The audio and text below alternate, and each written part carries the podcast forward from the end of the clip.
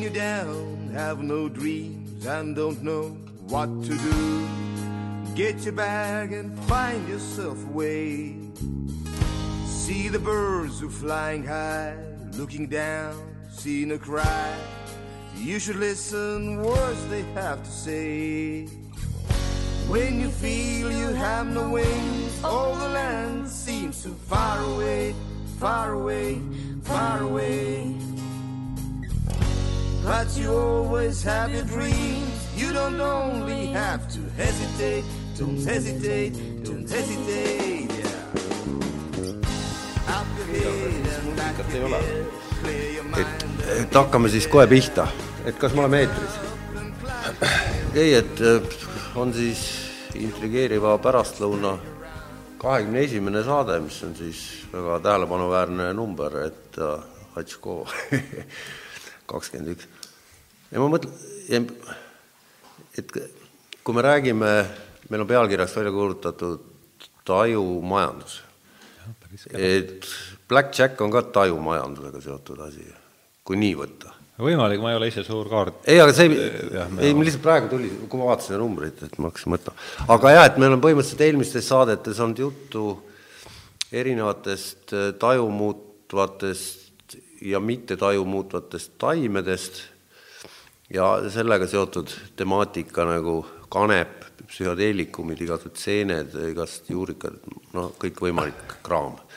ja, ja meditsiinilised aspektid natukene see, seal ka mingit seda seaduslikku poolt, aga nüüd siis sina kui majandus ah,, peaks nagu tutvustama ka, et Ha- Har- Hardo Pajula siis, tere! tere, tere! Et majandus, kvalifikatsiooni kaotanud majandusteadlane ja vaimsete huvidega noormees. ja veel rohkem ei tule. praegu.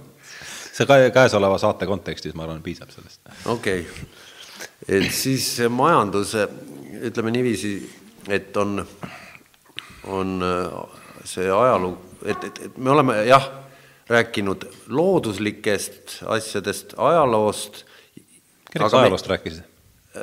põhimõtteliselt Alar Tamminguga jaa, ma arvan, Tammingu saadet ma kahjuks ei ole jõudnud oli vaadata. juttu ühest ja teisest ja kolmandast, et jah, kahjuks ma ei jõudnud seda vaadata. et, et, et selle, see ja, ja, ja mille, millest me ei rääkinud, on see, mis sinu kirjatükkides on eh, psühhofarmakonide, see vahe psühhofarmakonide ja psühhotroopsete ainete vahel on toodud ära nendes, nendes tekstides mm, -hmm. mida sa laiali saatsid, et, et üks on siis sünteetiline ja teine on looduslik. ja et see sõda käis suuresti ümber selle, et saaks hakata juba farmaatsiatööstusel laboris neid asju tootma, et ei peaks toormeriikides kasvat-, nii-öelda põllumajanduse ei no me peaks ilmselt ära täpsustama, mis sõjast me nüüd üldse räägime. nojah, et, et aga hakkame, hakkame siis ajaloo, hakkame, hakkame oopiumi kuskilt, pihta, jah. okei okay., et kuskil siis sada aastat enne neid sündmusi, mis täna meil siin toimuvad, toimusid siis koloniaal in, Inglise, Indiaga ja Hiinaga seotud siis oopiumisõjad üheksateist sajandi keskel. no võib-olla hakkaks hoopis sealt pihta, ma arvan, kõige loogilisem oleks see, et, et mis ma, miks ma tänase saate kontekstis siin olen, et tõepoolest sa oled seda, seda mm, siis noh, psühhotroopsete ainete teemat siin, eks viimastes saadetes käsitlenud ja ja ma ei ole siin mingil määral ekspert, aga kusagil paar aastat, sest on ikka kolm-neli aastat tagasi, kui ma kirjutasin Nihilistile, siis Kaur Kender seda asja ajas ja, ja, ja mulle see tema, osa tema tegevusest äh, istus ja, ja, ja enne, kui ta sinna oma seda kommunismi joru hakkas ajama.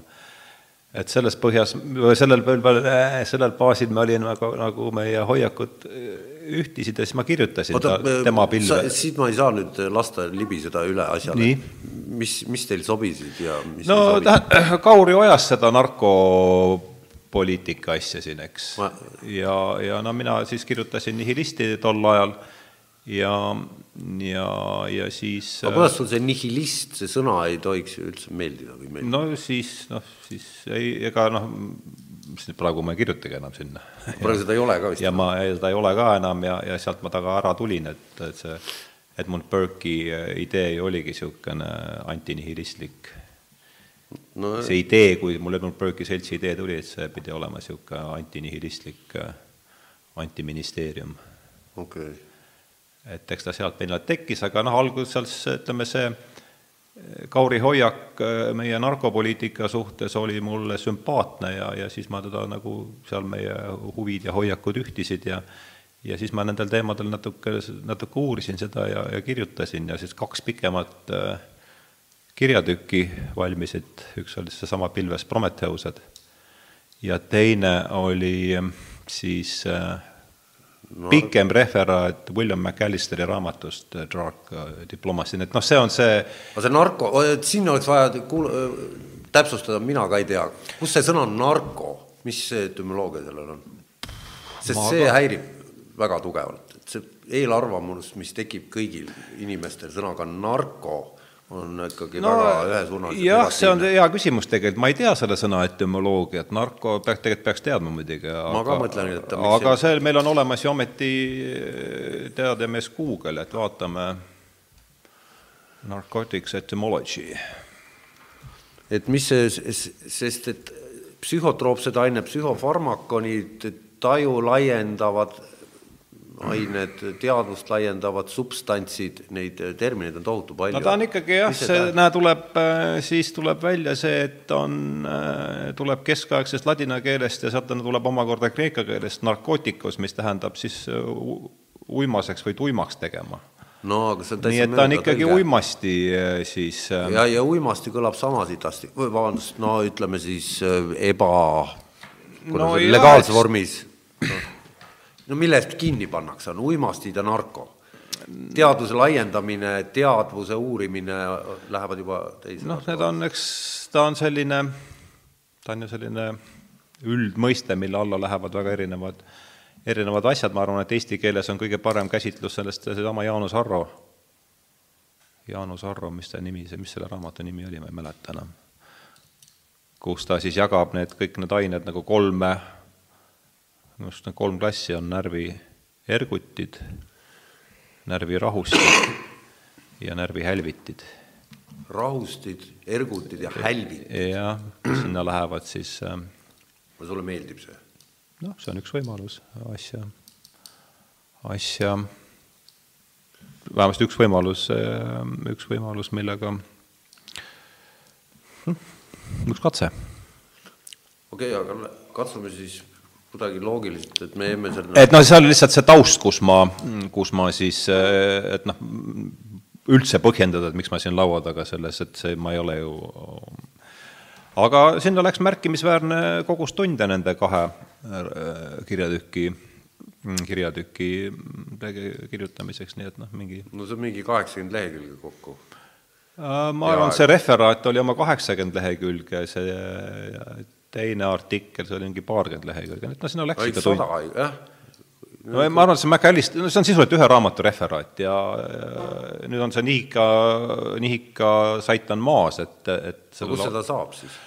Me peaks selle üles, ma mõtlesin, et järsku paneks selle, selle sinu sellele Aga... tekkivale, tekkivale koduleheküljele, ma mõtlesin, paneks selle ülesse. see on hea mõte. et, et tegelikult nad on, äh, lugesin selle kahekümne, seda referaati, pikka referaati, mul ei olnud aega üle lugeda. aga see oli väga hea raamat ja, ja, ja ma arvan, et see referaat, maakeelne referaat Äh, inimestele, kes tahavad teemaga kokku või mingit ülevaadet saada, ei ole üldse paha ja, ja see on selle... väga, väga, see on väga põhjalik ju.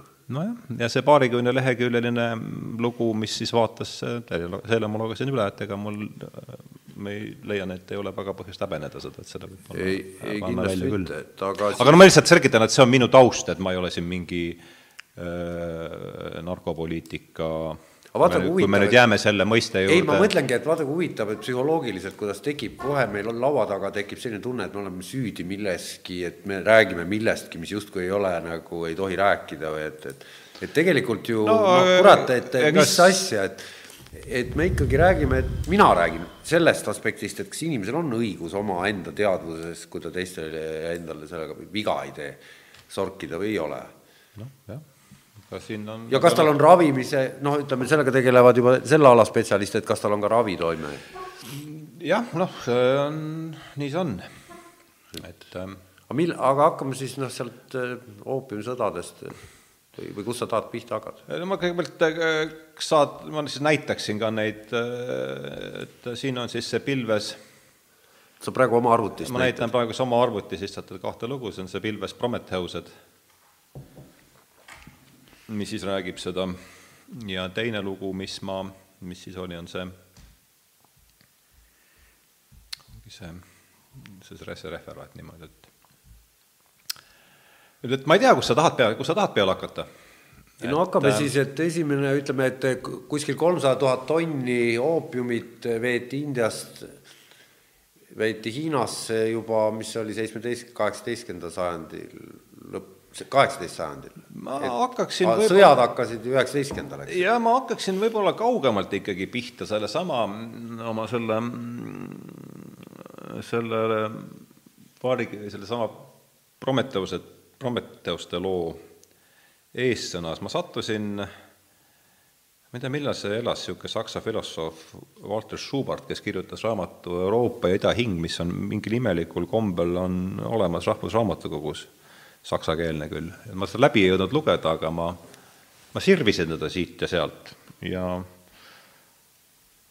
ja see kuidagi avas mu silmad selles mõttes, et me oleme siin vaadanud seda noh, eriti meie, kes me siin ka kasvasime ju sinuga mõlemad üles äh, ida pool raudset eesriiet, et äh,, et siis äh, ta kuidagi pani selle alushoovuse, alushoovuse mis siis nagu oli ühine nii lääne oota, ma küsin vahele, kas see Kristjan Schubert? ei, Walter Walter Schub, ma ei tea, mäleta, millal ta elas, järsku sajandi alguses kuskil, ma ei jõudnud vaadata ka. ma just seda vaatangi, et millal ta elas, et. see oli Europe and tuhat kaheksasada üheksakümmend seitse sündis ja suri neljakümne teisel aastal juba. Jah, oligi jah, see klapib jah, midagi. nii et ta sisuliselt neljakümne viie aastaseks elas ainult. et seal ei olnud juttu küll sellest absoluutselt, aga, aga ta nagu no ütleme, selle miks ma ta juurde üldse läksin, oli üks omaaegse selle uimastipoliitika, nende narkopoliitika, narkokontrolli konventsioonide üks juht, Bertil A. Renborg. oli see rootslane? jah, vist küll jah, rootslane, kõlab küll Rootsi, Renborgi peaks siis ilmselt tähendama, et ta ütleb, et majanduslikust vaatepunktist juhatab konventsioon meid uuele territooriumile, ülemaailmsesse plaanimajandusse, et et selline äh, noh, siiamaani ma arvan, niisugune äh, eetos, mis oli omane sotsialistlikule plaanimajandusele, mis praegu on vähemal ka siiani läänele äh, kultuurile oma, on see, et me olemegi Prometheused, kes, kes me suudame siis seda maailma niimoodi oma tahte järgi vormida. et kui kommunistid üritasid siin jõgesid, äh, jõgesid panna üht-teist, ühte teistpidi voolama, eks oli ju see suur plaan Obi jõgi ja see kõik teistpidi pöörata, siis äh, noh, ütleme kogu see narkokontrolli konventsioonid üre, üritasid ikkagi kehtestada ühes harus äh, ülemaailmse plaanimajandust, nagu siin selgelt siis kodanik, kes seda poliitikat välja töötas, selgesõnaliselt ka ütleb. jah, aga et see, ütleme, see tundus mulle nojah, aga nüüd sa hüppasid sada aastat edasi, sest et oopiumisõjad ja narkopoliitika, mis rajanes ju alg-, algselt kõlbelisusele, mis kahekümnenda sajandi see möll, mis hakkas. no et, et kas oopiumisõdade põhjused ei olnud mujal kui kõlbelise lääne kult-, mingi kristliku kultuuri mingisugune nojah, ma arvan, et see, siin on nüüd jah, ütleme, ilmselt peaks vaatama seda kogu seda teemat ikkagi üleilmastumise kontekstis, et enne, kui erinevad hõimud äh, teineteisega kokku ei puutunud, polnud üldsegi probleemi, igaüks äh, äh, pani siis ninast ja kõrist sisse seda, mis seal parajasti ümbritsevas USA-s oli, eks. et, et see probleem tekkis alles siis, kui hakati omavahel majanduslikult ja kultuuriliselt läbi käima. ja see probleem ja ma arvan, et, et et väga paljuski on tänast lääne suhtumist nendesse ainetesse mõjutanud ikka sama oopiumisõdade räägi neist äh, paari sõnaga. noh, paari sõnaga jälle, nii palju, kui ma neist mäletan, oli see, et see haakub siis sellega, kui Suurbritannia haaras, Suurbritannias kujunes siis niisugune globaalküla konstaabel, esimene sisuliselt, sest globaalküla ikkagi kujunes meil välja, noh, hakkas ta kujunema geograafiliste vallutuste ajal, eks, ja ütleme siis üheksateistkümnendas, kaheksateistkümnenda sajandi, üheksateistkümnenda sajandi alguseks oli ta kindlasti olemas, üheksateistkümnenda sajandi alguseks oli ka selge, et et Briti impeerium on selle siis ähm, maailma politseinik ja siis oli suur küsimus sellest, et kuidas kaubelda hiinlastega, sisuliselt oli see kaubandusbilansside tasakaalustamise küsimus, hiinlased arvasid, et meil ei ole nende punaste, punapäiste ahvide äh, kola üldse vaja. ja kuskil siin on keegi, mäletan seal oli see, sa oli... räägid Singi dünastiast praegu? ma ei mäleta, kes, mis dünastiad ei ole mul et nad ütlesid, et meil lause kaks, seal oli mingi sõnastus oli. jaa, siin on Kiss, see on sellest Kissingeri raamatust On China minu meelest võetud tsitaat, et, et kui juba lääne tööstuslik revolutsioon oli täishoo sisse saanud, siis äh, teatas imperaator eri, erivolinik, et väljaspoolt Hiinat pärit kaupu saab kasutada üksnes mänguasjadena. me võime nad vastu võtta, aga sama hästi ka ilma nendeta läbi ajada. Ja see teine pool ei pidanud paika. aga meie lääs tahti, Briti impeerium ja lääne tarbijad tahtsid väga saada küüsi taha in-, siis Hiina kaupadele, nüüd on küsimus selles, et kuidas siis noh, mis ta... nad tahtsid sealt Hiinast saada, siididee ju no, ikkagi ei olnud enam Need... no seal oli tee, portselan, peamiselt selline staatus, staatus äh, ja see oopium tuli nii odavalt kätte, et see tasus nagu igatepidi ära, vürtsid kindlasti olid ka veel. jaa, aga nüüd oligi siis see, et mida, mida pakkuda hiinlastele selle, et, ähm, et siis äh, noh, see, et mina tahan, see on nagu kahe inimese suhetes, et mina tahan sinult midagi osta, aga sina minult midagi osta ei taha, et no mismoodi me siis niimoodi kokkuleppele jõuame ja siis lahendus oli see, et hakati, hakati siis äh, Indias, britid hakkasid Indias äh, oopiumi kultiveerima ja see osutus Hiinas väga väga selliseks minevaks kaubaks, nii et see oli vahend, see oli vahend, millega siis sisuliselt britid tasakaalustasid oma kaubavahetuse, kaubavahetuse hiinlastega. aga kas hiinlased olid oopiumist teadlikud ju varem või kuidas, sest oopium on ikka otseselt sõltuvust väga tugevalt tekitav ma ei, seda, seda ka ei tea, et veel kord, et kas nagu, nad süüdsid no, nagu indiaanlastele, konkistadoorid, et noh, eks nad niimoodi, nagu see turundus käib, et näed, mul on siin hea pulber ja ja hästi hakkab pähe. ja võta seda ja vaata, no ma arvan, et see paralleel eh, nagu indiaanlastele sokutatud alkoholiga on eh, väga et see on sama, samal alusel? ma arvan küll, jah. sellest ma siin küll konkreetselt ei kirjutanud, aga aga, aga jah. et siis eh, see on küll eriti kahepalgeline hakata hiljem kõlblusest nagu sonima. noh jah, siis kui oma ka... tänavatel, oma tagahoovis on juba eh, süstalveenis kuttidel, siis on eh, pisar silmas, et, et paha ja halb ja no eks see, noh, me oleme ju selles eas nüüd siin nagu ometi, et me saame mõlemad aru, et see kahepalgelisus käib inimeseks olemise juurde, kas sa ei leia seda? vaata et siin see... noh, ma ütleks, et see kuidagi sellega, seda võetakse nii, et, et, et ise... et ma ei arva, et see on nüüd, et seda peaks ka tingimata kultiveerima, aga see ei ole ju üllatav, et inimeste niisugused ja aga ikka sellisel skaalal, no okei okay aga noh, põhimõtteliselt ma arvan, et objektiivne tõsiasi, mille vastu on raske vaielda, on ikkagi see, et see oli Indiast siis eks-, Hiina eksporditav oopium oli põhiliseks vahendiks, millega britid tasakaalustasid oma kaubavahetuse Indiaga, ma arvan, et sellele siin on jah, et aga sõda? no ja sõda oli siis, kui sõda oli siis ja jällegi ma ei jõudnud seda, aga, aga noh, loogiline oleks eeldada ja ma arvan, et see ka nii oli, kui hiinlased nägid, et see tekitab neile tõsiseid äh, probleeme.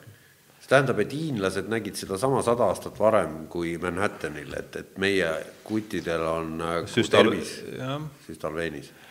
no põhi, nii palju kui jällegi veel, no tuleme tagasi selle vestluse alguse juurde, et ma ei ole siin ütleme, minu pädevus sellel teemal äh, suuresti ei no meie olemegi siin, et äh, arutleda. piirdub nende, nende tundidega, mida oli märkimisväärne hulk, mida ma tol ajal selle teema uurimiseks kulutasin, aga noh, see on ka see, mille pinnalt ma praegu räägin. no, no arvestades seda üldist fooni, et meie meedia nii-öelda me, peavoolumeedia ja üleüldse, mis kooli, koolides räägitakse, ma üldse ei räägi, sest sellest ei räägitagi, et, et see informatsioon on olematu, et kõik, mis me sel teemal siin suudame tekitada siin mõne tunni jooksul, on äärmiselt oluline, ma leian.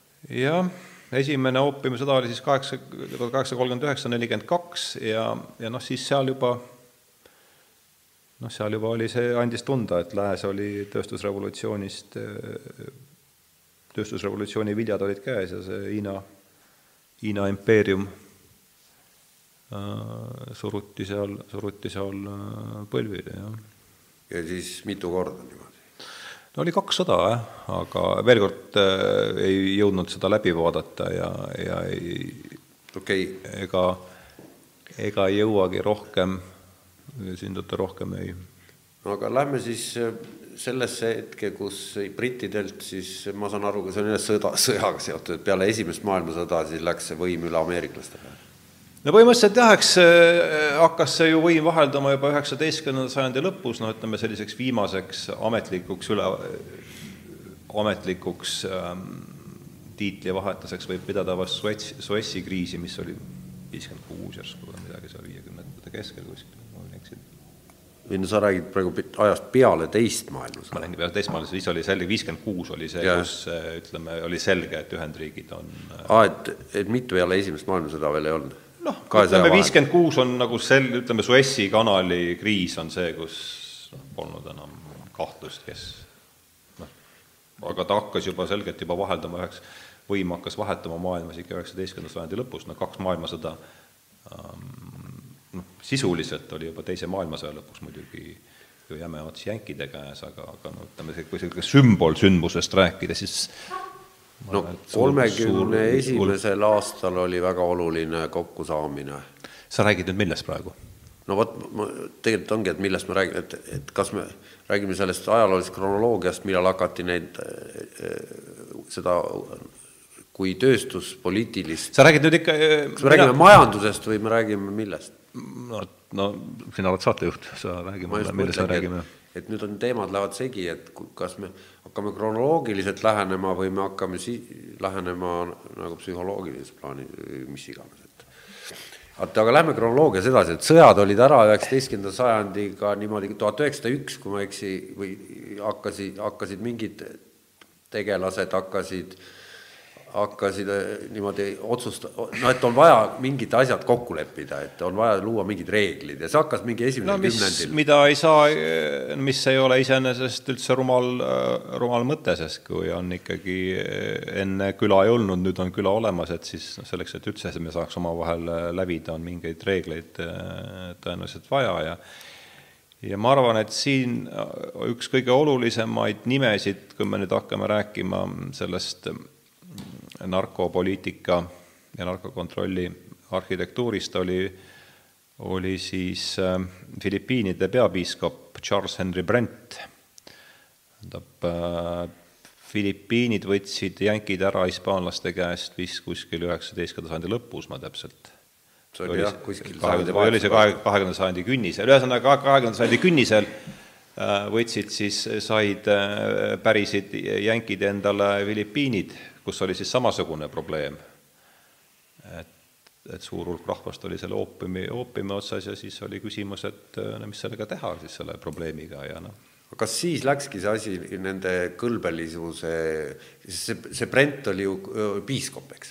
Brent oli piiskop, jah. et, et tema hakkas siis ajama seda sellelt pinnalt, et, et see on jumalale ei ole meelepärane, kui inimesed oopiumi no, ma arvan, mitte et tervise, rahva tervisest ta ju ei, ei rääkinud no,, rahast ta ka ilmselt ei rääkinud. ma ei tea ju ka sellest jällegi veel kord, siin tuleb, ma pean ikkagi rõhutama seda, seda, neid pädevuse piire, millest ei, ma saan oma artiklist ja, nagu, ei sa... no ma arvan niimoodi, et Brent, Brent piiskopina vaatas seda, et noh, suur hulk, suur hulk rahvast on nagu silmad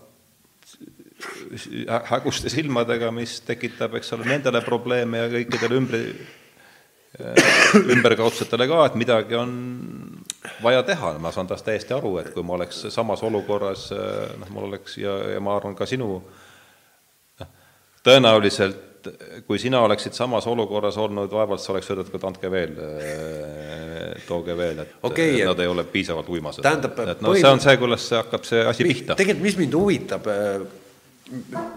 noh, kui ma lugesin, tutvusin nende samade tekstidega, siis mind jäi painama see äh, asi, et, et seal on korduvalt rõhutatud kõlbelisuse aspekti. Ja ma näen, et seda- ja, ja, ja, ja, ja kuidas saab olla, et, et follow the money siis ei päde nüüd niisuguses valdkonnas, nagu seda on see, millest me räägime, et et, et asi hakkab kuskilt eh, piibli kaante vahelt, mitte üldsegi Föderaalreservi trükipresside alt, et, et kuidas, kuidas see võimalik on? sul on nüüd seal ühes lauses nii palju asju koos, et me peame hakkama, kuida-, sina oled majandusteadlane, mina ei ole, mina, mina olen siin niisama teinud. aga kuidas me nüüd selle, mis me nüüd selle lausega pe- peale hakkame sinu arvates, anna mulle, anna mulle. mida sa, no midamoodi see, noh, kuuekümne esimesel nad tegid, hakkasid ra- rahast rääkima või esimest korda või? Äh, sa töötasid tunde nende materjalidega, aga, aga, aga oskad sa nüüd ikkagi seda, kuidagi selle küsimuse mulle nagu äh, formuleerida niimoodi, et okei okay,, ma ei saanud vastust sellele, et, et, millele sa ei saanud vastust? et kui algas kõlbelisusest ameeriklastel just eh, see võitlus, ma sõda, arvan, et see algas selle, ütleme,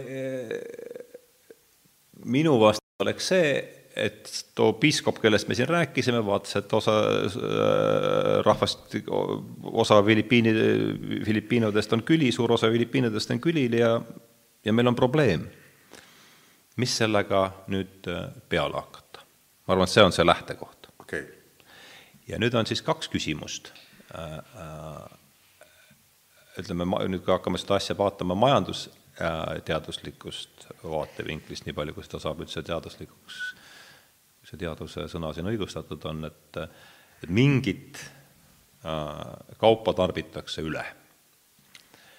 ja nüüd on küsimus, noh jällegi mingite mõõdupuude järgi, nüüd on küsimus, et mis me siis teeme, et kas me hakkame piirama pakkumist või nõudlust ja, ja, ja ma arvan, et need rööpad pandi maha sellel hetkel, sest kogu see poliitika, mida siin nüüd on siis siia, siiamaani viljeletud, on olnud pakkumispoolne poliitika, üritati, üritati siis piirata pakkumist. ehk siis Probleem oli vangi ole- läheb see, kes müüb. põhimõtteliselt küll, jah. aga noh, siin on ka noh, sellega, sellega saab öö, sõita päris kaugele, minu arust oli see tuhande seitsmesaja esi-, tuhande üheksasaja seitsmendal aastatel ütles Los Angelese politseipealik senati ees äh, tunnistusi andes, et isegi äh, juhuslik, juhuslikud narkootikumi tarvitavad inimesed tuleks maha lasta. Ühendriikides, see on niisugune päris, päris jõuline, päris, nii et noh, ühesõnaga see ei ole ainult see, et, et vangi lähevad, no ma ei tea, mis, mida ta ise seal, seal Mille all ta ise oli? mis, mis seent ta ise oli seal tarbinud selles ajas see on statement on aga see on ikkagi kõva. päris eh, noh, ütleme ja kui me hakkasime rääkima nüüd sellest, eks ole, et seal on mingi ühine allhoovus on sellel,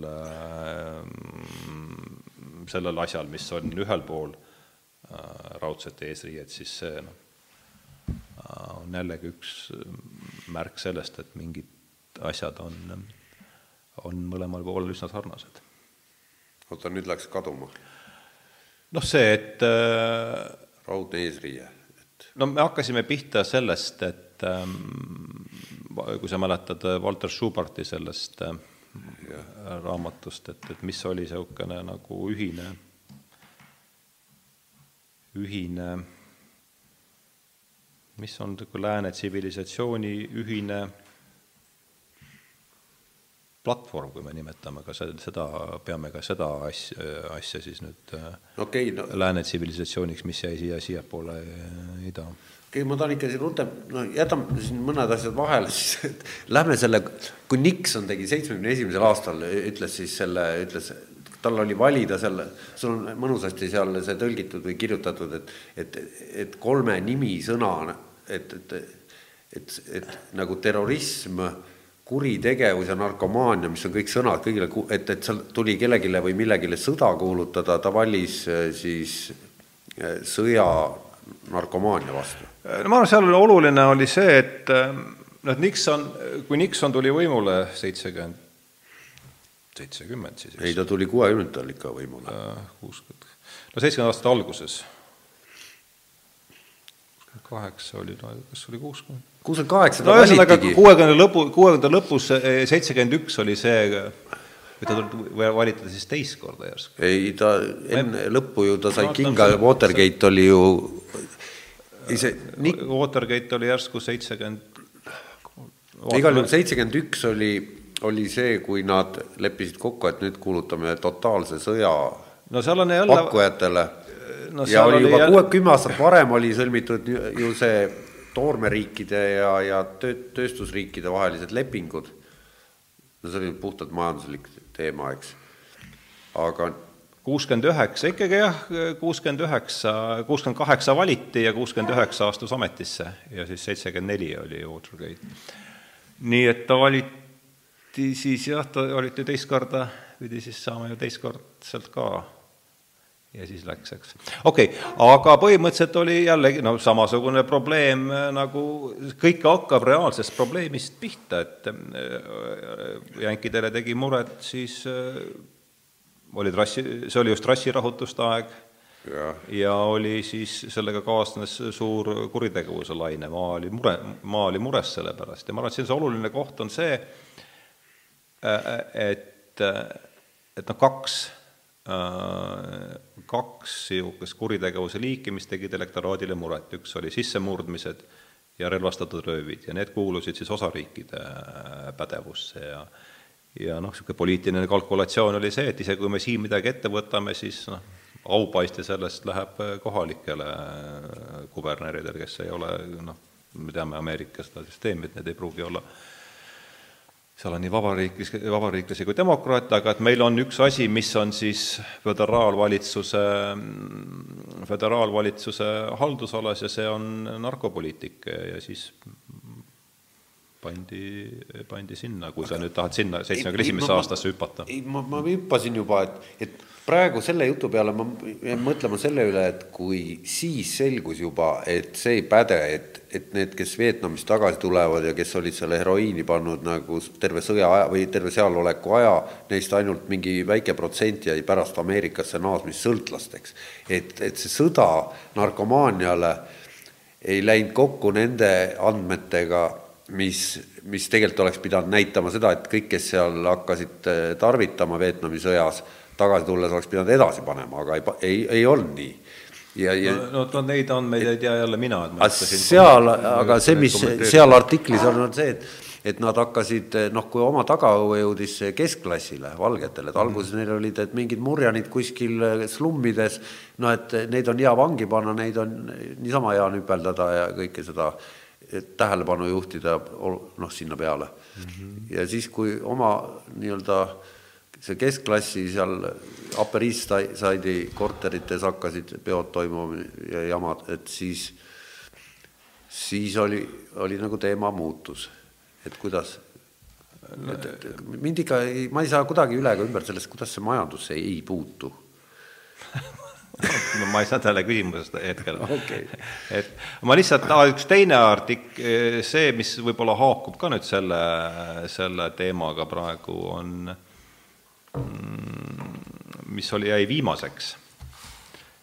seda võib ka näidata siit, äh, võib-olla millele saab tähelepanu ka juhtida. vot sa praegu oma arvutist näitad? ma näitan praegu oma arvutist, jah, oli, mille võib panna ka pärast sinna üles, see on see Baltimoori majandusmudel. okei okay kus ma, siis oli see pikk, see oli ka niisugune paarikümne lehekülje lugu vist, äh, teleseriaalist äh, The Wire, mis on siis viis hooaega niisugune tele, mina nimetan teda siin televisioonisõjaks ja rahuks, ikka niisugune oli... silmapaistev taies kümme aastat tagasi umbes, jah? Baltimooris toimuvast sellest narkosõjast, et soovitan noh, seda on kerge öelda, et äh, viis hooaega, iga osa, iga hooaeg oli vist mitu, mingi kümmekond episoodi kindlasti, nii et noh, äh, sinna läheb märkimisväärne arv tunde, aga, aga see on, see on väga hea asi, ma arvan, et, et soovitaks ta on nagu õppematerjal ta on täiesti õppematerjal, sellest võtab kokku kogu selle laiema konteksti, kuhu see, kuhu kogu see asi mm, asetub.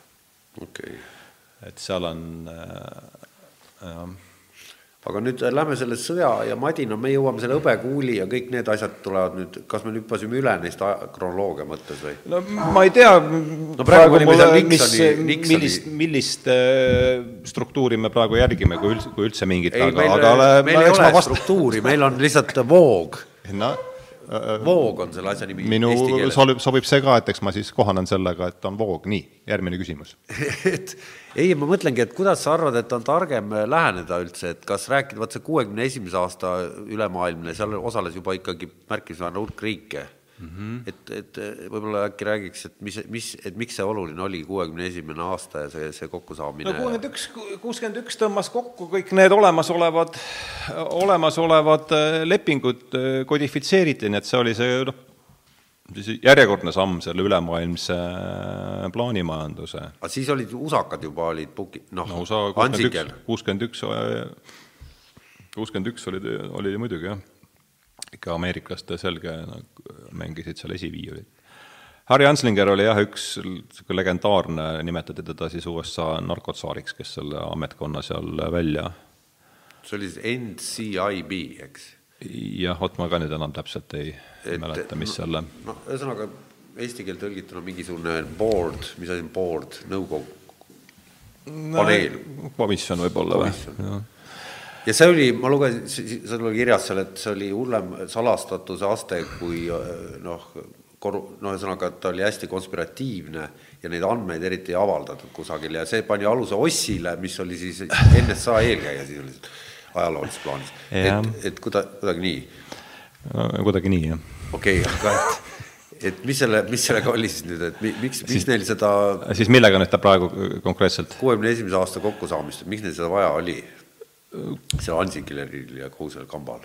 no kuuskümmend üks oli ikkagi see, et, et seesama, millest, millest sai siin alguses ka nagu äh, räägitud, et astuda veelkordne samm äh, siis selle ülemaailmse plaanimajanduse poole, et ma pean vaatama, kuidas siin, et mul nüüd ei no keegi ei tegele ju sellega, et astuda plaanimajanduse poole samme, inimesed, neil on vaja midagi. kellel raha, kellel feimi, kellel kõlblust, noh et mida nad ikkagi, kes mida tahab kui nad saavad kokku, siis on ju, vaata, mis toimub praegu, noh, okei okay,, et huvid on. nii, aga mis olid ameeriklaste huvid? ameeriklaste huvi oli suruda liikmesriikidele peale või nendele lepingu ühinenud riikide peale oma nägemus sellest, kuidas tuleb narkopoliitikat ajada ja see oli selge pakkumispoolne, pakkumise piiramisele suunatud äh, poliitika ja nende huvi noh, jällegi selles mõttes on ka arusaadav, et, et oletame, et meil oleks nüüd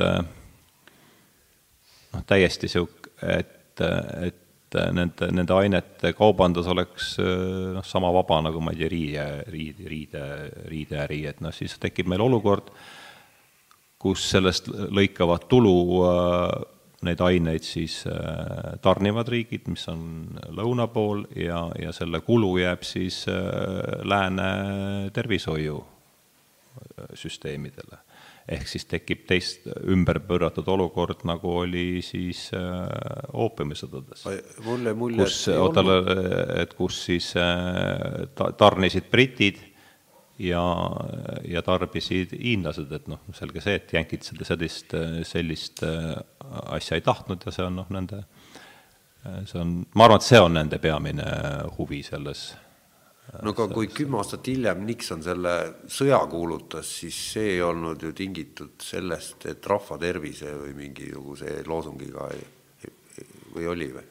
Noh, ta oli sel-, ma arvan, et ta oli rohkem seotud selle kuritegevuse ja rassi, rassirahutuste lainega, et see no, kuritegevuse laine oli see, mille pealt nagu Nixon sõitis sinna. okei okay,, aga lähme siis selle, noh, me jõuamegi tegelikult loogi-, loogiliselt ka nüüd selle hõbekuuli juurde läbi selle, et et, et olid need nii-öelda põlluma-, kus riigi, riigid, kus siis oli põllumajandusest olulise osa moodustasid siis need oopiumitaimed ja, ja kanepitaimed ja, ja kõik muud sellelaadsed taimed ja, ja kellel olid siis lepingud, kui palju tonne nad võivad aastas siis nendele töötlejatele farmaatsiatööstusest omavatele lääneriikidele jah, see oli lüüa. see, kuidas nad seda nimetasidki, ma vaatan järele, ma natuke konspekteerisin seda oma seda see oli jah, see hinna, aa okei okay,, see ja süsteem oli põhimõtteliselt, ma ei mäleta, kas, kas see oli kuuskümmend üks või oli see juba kolmkümmend ük-, kolmekümne üheksanda aasta konventsiooniga, kas põhimõte oli see, et liikmesriikidel siis paluti hinnata, palju, palju neil neid andmeid, palju neil neid aineid vaja läheb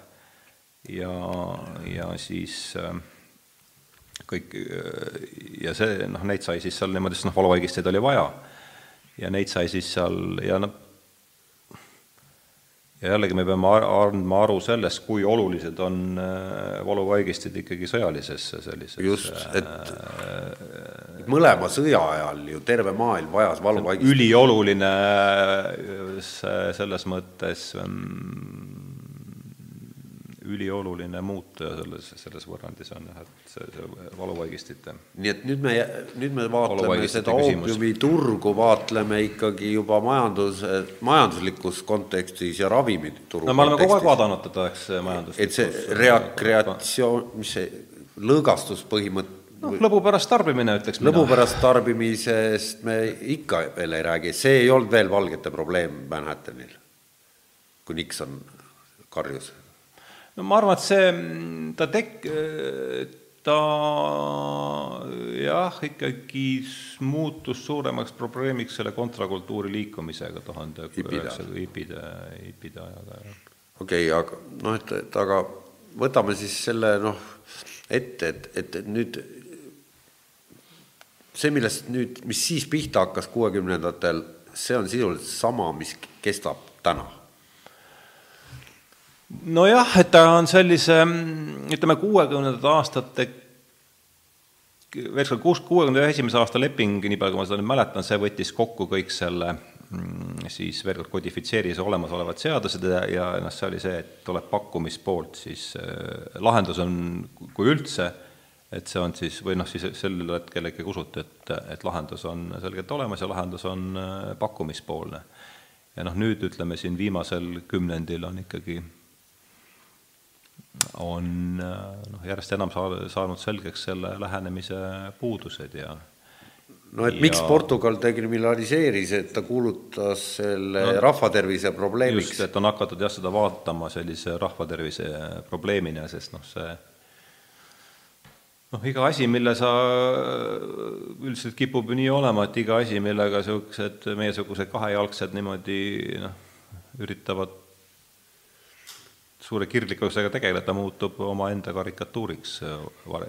esialgne idee võib olla ju õige, asuta ministeerium selle lahendamiseks ja, ja, ja anna neile võim ja, ja, ja, ja õige pea muutub see esialgne idee oma karikatuuriks, absurdseks karikatuuriks ja ma arvan, et see on see, mis on siin veel üks näide, mis on juhtunud, sest kui noh, veel kord, kui see piiskop Brent vaatas filipiinlaste peale, siis ta nägi, et noh, midagi on vaja teha ja noh, samade järeldustele jõudsid ju hiinlased, kui nad enne oopiumisõda, et noh, meil on probleem.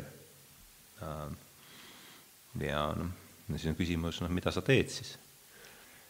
ja et ega see ja mis siis selle hõbe, hõbekuul tähendab siis, see on nüüd see, et oopium noh, kui valuvaigisti ja ja et saaks seda sünteetiliselt no, toota. kus see hõbekuuli teema, siin peab jälle natuke juurde rääkima, et siin on kogu noh, kogu selle, ma ikkagi ei ma ikkagi juhiks tähelepanu kogu selle asja sellisele prometeuslikule äh, mõõtmele, et, et see meie arusaamine, mis oli veel kord ühine nii Nõukogude Liidule kui, kui siis äh, sellele, sellele vastanduvale maailmakorrale, et me inimesed on, võime oma suva järgi seda ilma kujundada nii, nagu meil parajasti pähe tuleb, eks. võime kehtestada ülemaailmse plaanimajanduse ühes sektoris, võime noh, ei no me võime küll, aga aga, aga see oligi siis, see hõbekuuli teema no, haakub sellega, et, et nüüd me leiame,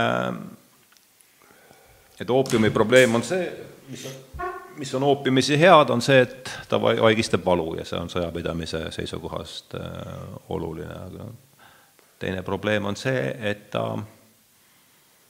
et ta siis tekitab sõltuvust. aga meil on selline võimas prometeuslik äh, instrument nagu teadus. ja selle teaduse abil me äh, siis varsti leiutame sellise molekuli, mis võtab valu ära, aga sõltuvust ei tekita. ja see oli noh millal see jutt pihta hakkas, on sul meeles? see hakkas ikkagi pihta seal juba kusagil kolmekümnendatel aastatel oli see, ma arvan, et see hakkas pihta millal ikkagi. nad selle kodeiini valmis said? seda ma ei tea, ma ei mäleta. et sest et see on see, mida nüüd noored kohvimasinates välja aurutavad ja mis on ju tegelikult Et sama ü- asi, mis on et üks, mida ma lugesin, üks asi, mida ma lugesin, mis mul siiamaani meeles oli, kus ema keelas oma vähi, oma vähki surevale siis lapsele anda oopiumi, sest ta arvas, et see võib tekitada sõltuvust. noh, ta oli siis, noh, teiste sõnadega, mis tähendab seda, et ta oli mures tütre hinge pärast. mis tähendab seda, et ta oli liiga palju lugenud ajalehti. no ma ei tea, mida ta lugenud oli et ja, ja kellega, noh, üks asi, mida ka on lugenud ja kellega koos lugenud, ma arvan, on tõenäoliselt oli ta pigem lugenud piiblit, aga siin on no, oluline mitte see, mida sa loed, vaid pigem kellega koos sa neid äh, raamatuid loed, ma arvan, et see on nagu siin olulisem. aga me, et, et jah, et noh, aga see noh, ega siis keskaegse, keskaegne inkvisitsioonikohus, ega seal oli ju ka, piinati keha selleks, et arvati, et hing saaks, pääseks ära, nii et noh, see sõltub jällegi sellest, mis on see,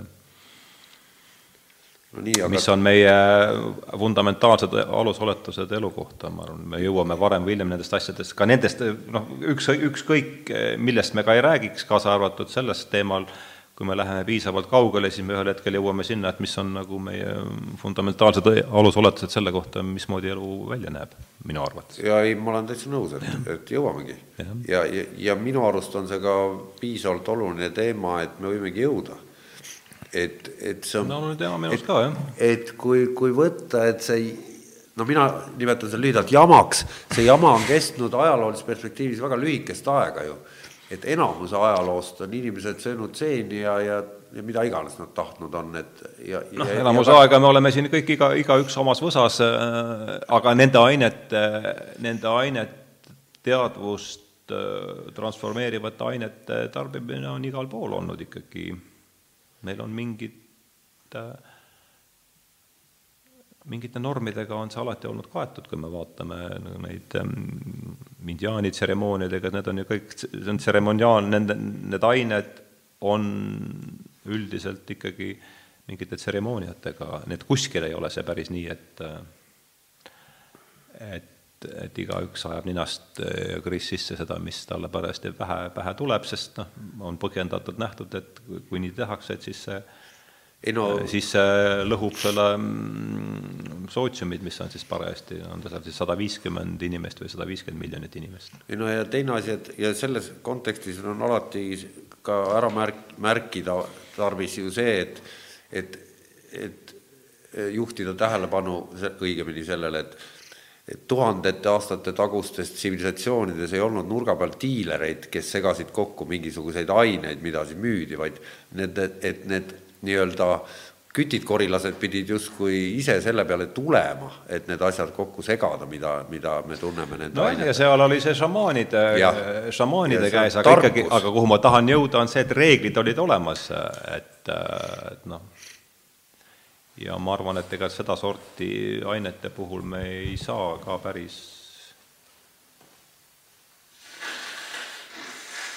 me ei saa ilma nendeta, et me saame ainult rääkida, mis on, ja teiste, ega see ei ole ka erinev paljudest ju või nendest teiste, teistest teemadest, et kui me tahame koos elada, siis on äh, reegleid vaja ja me saame ainult rääkida nende reeglite, nende reeglite laadist ja nojah, ja aga sina kui majandusteadlane, no seleta lahti see, et siin on ikka, me räägime miljarditest. no miljard on väike number, ma arvan isegi, kui räägime maailmast. Et, et, et mis liigub praegu tänu sellele, et need asjad on illegaalsed mm. -hmm. et, et noh, et okei okay,, et noh, see ei ole väga keeruline aru saada, et, et see, et nad on illegaalsed, no meil on näide võtta Ameerika kuivast seadusest, mis on nagu ilm, noh, kõik on nagu hästi selgelt oli näha, mis juhtus.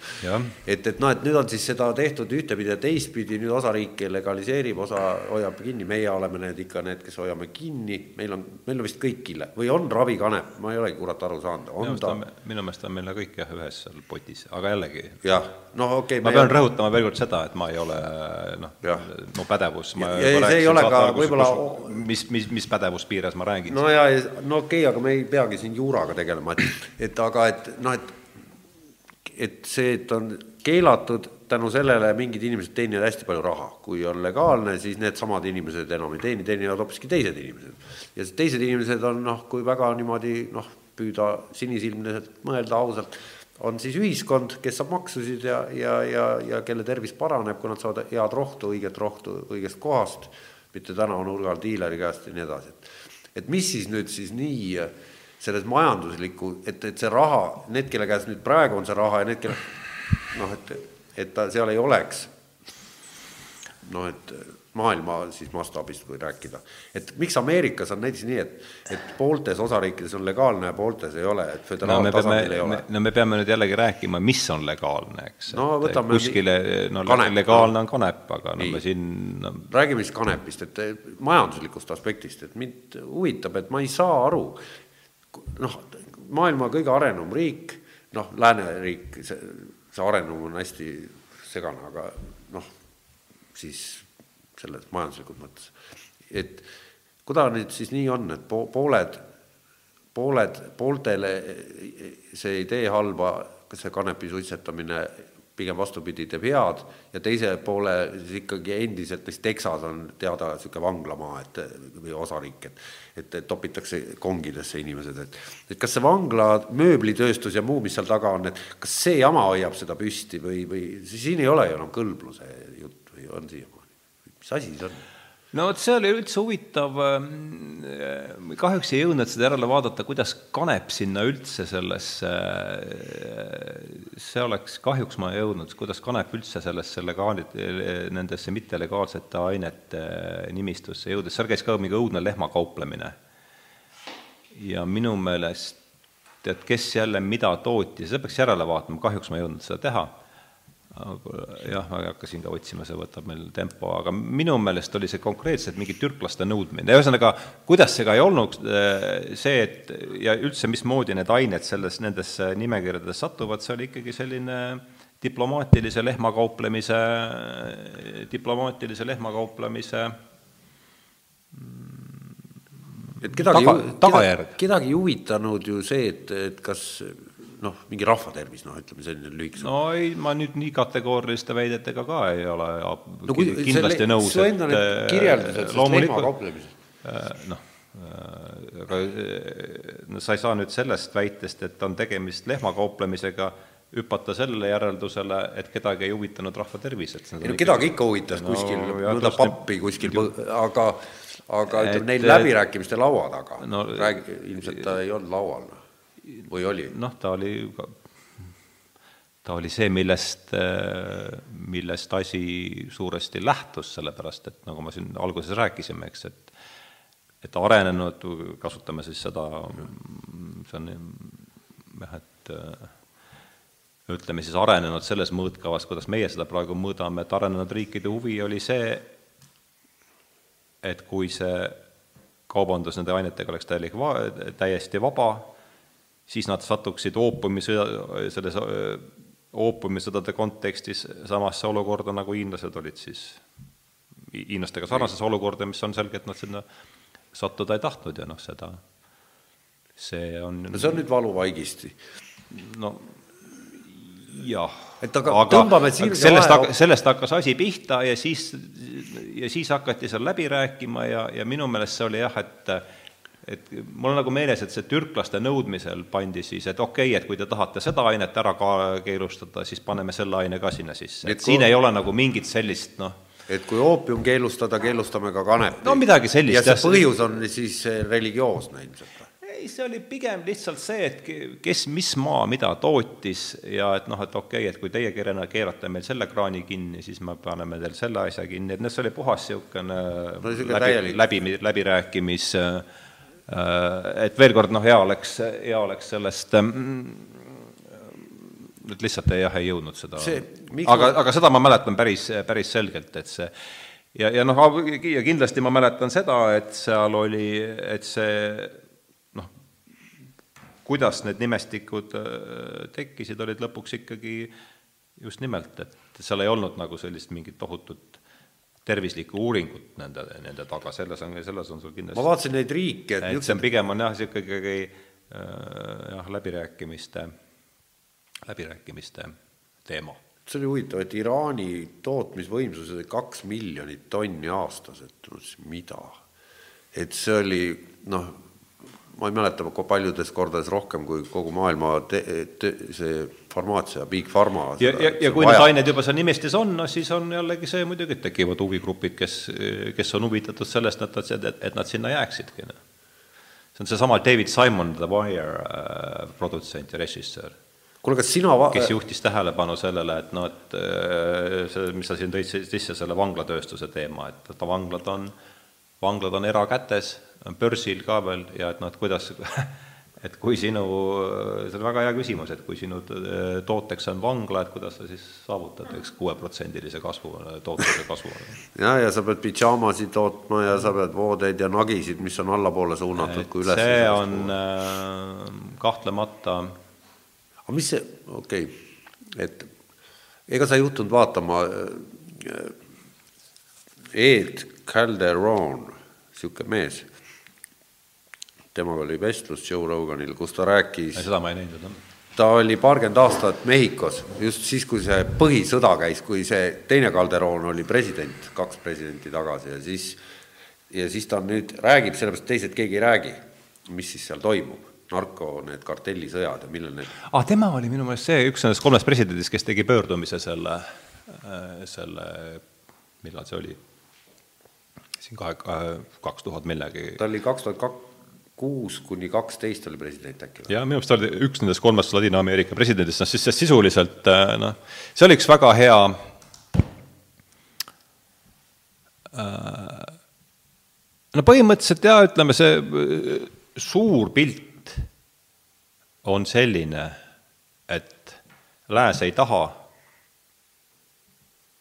lääs on vastu sellele, et need ained, ainete kaubandus oleks vaba, täiesti. Ma, ma saan sellest aru, sest noh, et, et kui see noh, sellele ei ole väga lihtne vastu vaielda, see on, on ja kogu need kvantitatiivsed hinnangud, millest on siin ka eraldi räägitud, see on uuduuris puukuuri on need hinnangud, eks et mis selle asja tegelik äh, nojah, seal on need prohibi... palju päriselt kasutatakse versus palju, need deklareerivad, siiamaani peavad ütlema aasta lõpus, et palju meil no jaa, aga ei no siin ma räägin pigem sellest, et noh, et mis on siis selle kulu, et kui me nüüd räägime äh, ürit-, ja see on jälle igal pool see, et, et me nüüd siis niimoodi meil on siin niisugune empiiriline lähenemine ja positiivistlik niisugune noh, meil see, see sisuline religioon, mis meil on, on ikkagi see positiivistlik, positiivist, või see noh, millesse, noh, ärme siis nimetada religiooniks, see, millesse me ikkagi, kui me üldse me siin millessegi usume, on see, et teadus meie probleemid lahendab ja teaduse abil on võimalik probleeme lahendada. Ja noh, selles on ka, ega see pole ka tuulest võetud, aga kui me nüüd vaatame ühiskonnateadlasi üritame hinnata nüüd selle poliitika tulusid ja kulusid, eks, pakkumispoolse mm, narkopoliitika tulusid ja kulusid, siis see on üks alapeatükk selles loos on äh, eraldi pühendatud sellele, et, et noh, need, need hinnangud, noh, isegi kui me oleme mõistelises raamis kokku leppinud, et me, et me tegeleme selle raami piires, isegi selle raami piires on hinnangud, on siin tihti kümne vaata et sajakordsed erinevused. nojah, ma vaatan praegu seda tabelit, et see pakkumise paradoks, et et kuidas on nagu maailmaturul või tähendab, siin on küll USA-s jah, hinnad kaheksakümmend üks kuni kaksteist. no selge, selge idee või selge äh, tõend selle kohta, et pakkumispoolne poliitika äh, ei, ei tööta, on see, et kogu asja ima on ju see, veel kord, tuleme selle nüüd majandusteaduse lähtekohtade juurde mm. -hmm. kui pool see, seesama Filipiinide peapiiskop vaatab, pool rahvast on külili. Nad on külili sellepärast, et neid aineid tarbitakse üle. nii, kuidas me seda probleemi nüüd lahendame? piirame pakkumist. see peaks siis kättesaadavus on kättesaadavust, jah. see peaks lööma siis hinna üles, eks, ja, ja siis tarbimist ja, ja tarbimist vähendama aga kui me nüüd vaatame siin, no nüüd võib näidata seda ja siis seda, no otsin selle ülesse. sa räägid samast graafikust või? ma arvan, et ma räägin samast heroiini ja kokaiini hinnad USA-s ka jah, täpselt, no siin on siis et no see on ikka mega vahe. pakkumispoolse, on meil olemas see pilt või? heroiini ja siis kokaiini hinnad USA-s kaheksakümmend üks, kaks tuhat kaksteist ja see on praegu ekraani peal no,. sa võid seda kommenteerida. kokaiin on paremat kätt, selle hind on kukkunud kusagil siis seitsmesaja viiekümnelt ei dollarilt puhta grammi kohta, mis ta oli kaheksakümne esimesel aastal, siis kolmkümmend aastat hiljem, äh, laias laastus siis ütleme seitsmesaja viiekümne pealt kusagil saja kaheksakümne peale. ja, ja heroiin siis äh, on kusagil samal ajavahemikul tulnud kolme tuhande kahesajalt kuskil siis saja, saja peale, nii et noh, kivina kukkunud, mis selgelt ütleb seda, et pakkumispoolne poliitika ei funka. ei tööta, jah. ja selles on omad põhjused, sellepärast et äh, nii kui mingi partii äh, võetakse, vahele võetakse, nõudlus jääb alles ja just siin on see nüüd väga oluline mõiste, millest selles kontekstis peab rääkima, on nõudluse elastsus vot see on nüüd, räägi lahti, sest seda on sul seal lehekülgede kaupa. ja no tähendab, nõudluse elastsus, nõudluse elastsus on väga oluline mõiste majandusteaduses, veel kord, kui me seda tahame ikka seda teaduse asjas, aga noh, midagi ta seal äh, ütlemisi ökonoomikas on see väga olu-, mikroökonoomikas on see üks võtmemõiste, see näitab seda, kuidas siis nõudlus reageerib hinnale. ja no võtame sellise noh, noh mingi eriti sellise no võtame mingi sellise eriti eks-, eksklusiivse mürri noh, mida saab siis panna niimoodi nina peale näiteks noh. et kui mul on siin niimoodi tsük-, majandustsükli tipus ja ma olen siin parajasti mingit noh, niimoodi mingitel põhjustel on keegi mulle teinud järjest mingeid vigu, nii et mul on raha äh,, pangaarvel suur kogus raha siis mul võib tekkida soov, et ostaks endale ka seda mürri. et Toomas on endale seda mürri nina peale pannud Nii. ja see on tema populaarsust vastassoo silmis hüppeliselt tõstnud. Eva on bioloog, okei okay,, aga no räägi. ja mina tahan nüüd seda mürri ka endale nina peale panna ja mina panengi seda mürri endale nina peale, aga siis äh, selgub, et järsku see, et selle mürri hind äh, tõuseb Äh, kakskümmend protsenti, siis mõtled, aga mis ma sest, ma saan ilma selle mürrita saan ka hakkama. aga nüüd on, noh, mis me võiks olla, ja see on nüüd konkreet-, ütleme niisugune, kuhu ma tahan jõuda, on konkreetne kitsalt defineeritud luksuskaup, mille järgi on nõudlus, võiks arvata siis, elastne, see tähendab seda, et kui hind muutub natukene siis noh, nõudlus kaob, kukub ära ja, sest see ei ole mulle absoluutselt eluks. see on see, mille pealt Ašek kirjutas selle kuulsa Šveiki lause, et kui valitsus, kes tõstab õlle hinda, kukub kolinal. kas võib see no ma arvan, et Ar ta on natuke te-, noh, ta võib-olla jah, seal seos, aga no toome teise näite, võtame sellist laialt defineeritud kauba, toit. et noh, ma ei saa ilma toiduta veel kord, siin on see, kuidas me üldse mingit kaupa defineerime, eks. mida laiemalt on mida kaup, mingi kaup defineeritud, seda noh, ütleme siis niimoodi, et nõudlus, noh, mis on niisugune, võiks arvata, et nõudlus kalamarja järgi on noh, suhteliselt nigel. elastne. Sest ma saan vabalt ilma kalamarjata hakkama. aa, nii et ühesõnaga me saame, elastne on see, ilma milleta saab hakkama ja kui odavalt saab nõudlus ja ütleme siis konkreetse õige keelekasutuseks nõudlus, kui tegemist on siis luksuskauba või niisuguse ebaolulise kaubaga, siis nõudlus selle järele on tõenäoliselt suure tõenäosusega elastne, et kui hind äh, tõuseb kümme protsenti, siis nõudlus tõenäoliselt väheneb rohkem kui kümme protsenti see on see, kuidas see elastsust defineeritakse, elastsuskoefitsient on suurem kui üks. nüüd näiteks noh, võtame kartulid. Äh, mingis äh, et pole vahet, kas on kolmkümmend mingis, äh, kui sa juba niikuinii, äh, niikuinii sa äh, jah, vireled seal selles mm, noh no, ütleme, toimetuleku piiril, siis ja see kartul on niikuinii viimane mida sa saad endale üldse lubada, siis on nõudlus kartulite järele on tõenäoliselt suhteliselt ebalastne, sul on niikuinii vaja neid. süüa midagi on vaja. seda ikka ei tõsta. just, ja aga, aga no nüüd on ja, ja sõltlasele, noh, heroiinisõltlasele on äh, siis noh, mis sa kuuldu põhjal, mis sa ise ütleksid siin, kui me nüüd nõudlus heroi-, sõltlasele nõudlus heroiini järele on e, on äärmiselt ebaelastne. on äärmiselt, just nimelt, sest tal on seda niikuinii, äh, niikuinii, niikuinii vaja ja ja kui, äh, ja kui meil on tegemist sellega, eks, et äh, me tahame narkootiliste ainete puhul on põhjust arvata ja siin on ka need hinnangud on, on väga erinevad, et nõudlus nende järele on, kui sa oled ikka tõeline sõltlase, siis nõu-, nõudlus selle kauba järele on võrdlemisi ebaelastne, mis tähendab seda, et koguse piiramiseks peab hind väga palju tõusma eks ole. ei no kui me võtame Eesti näite, et siis ja, ja lihtsalt, ja kui hind väga palju tõuseb, see tekitab tohutu stiimuli jällegi uutele, uutele siis tarnijatele turule, kui sa siseneda. majandusüliõpilasena oleksid näiteks, sulle oleks öeldud, et soomlased muudavad oma ostukäitumist sellisel moel, et nad hakkavad Lätis käima. kas see oleks sulle tundunud reaalne ja seda teeb kõike ühe tei-, kolmanda riigi aktsiisipoliitika? Nojah, ütleme,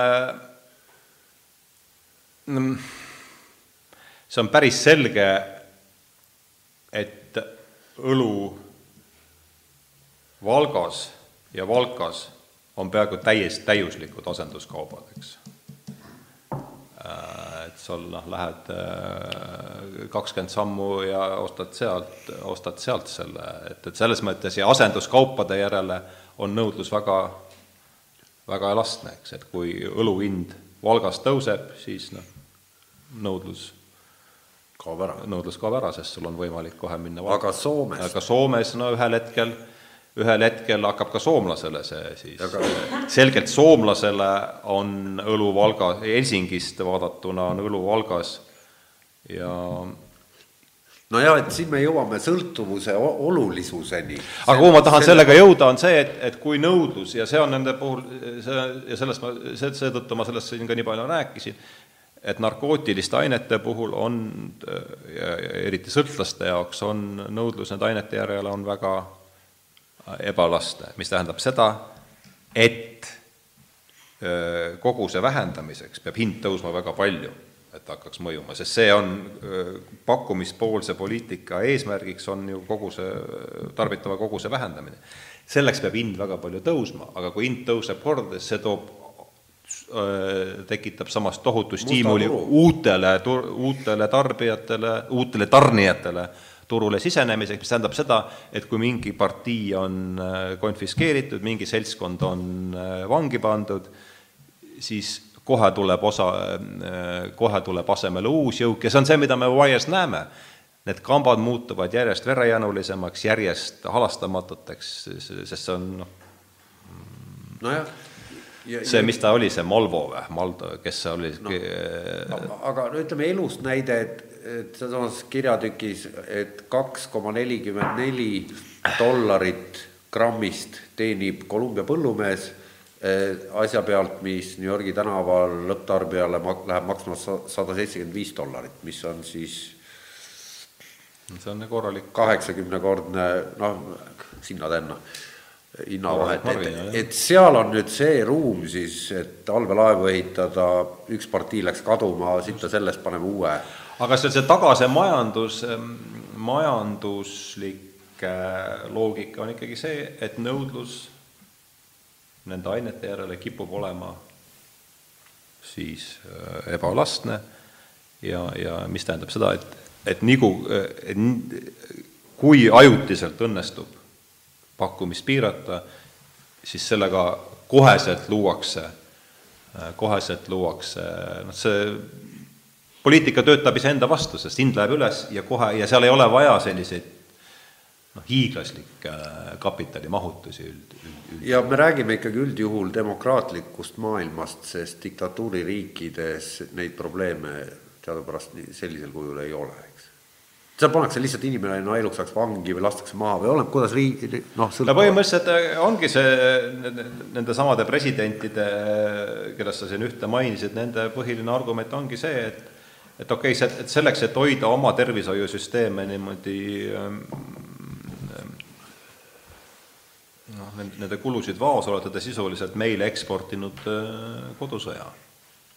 nojah, ja, ja see, okei okay,, nad jänkid annavad neile miljoneid, et nad paneksid oma neid narkokauplejaid kinni, eks, aga aga noh, kokkuvõttes see, mis nad seal, no see on, mis siin oli, et kaks tuhat kolm Tais, kaks tuhat viissada inimest, kahe tuhande viiesaja inimese elu maksis mingi suur sa räägid Tais. See on Tais. no Tai on ju tänaseni surmanuhtlus kahe asja eest, kuninga solvamine ja narkoäri mm. -hmm. et aga noh, Et aga- jällegi, et probleem on keeruline. probleem on keeruline, aga nüüd oleks võib-olla aeg eh, nii-öelda eraldada kaks asja omavahel. üks on siis noh, mille märksõnaks võiks panna fetan-, fentanüül või heroiin või noh, ütleme nõela otsas. et ole, noh, ma tean, et krooni ajal, kui ma leidsin trepikojast süstalveenist tüübi, siis sel ajal oli noh, kes oli tõesti omadega läbi, kes oli autoakna kuskil puruks löönud, võib-olla minu oma, võib-olla kellegi teise oma, et saada see doos, maksis see kaks tuhat krooni, mis oli umbes kuupalk, oli üks doos ja ta pidi päevas, üks korralik narkar pidi saama mitu tükki veel. Nii et, et seda nagu legaalsel teel tervislikult sellises olekus inimene ei ole võimeline tekitama sellist raha.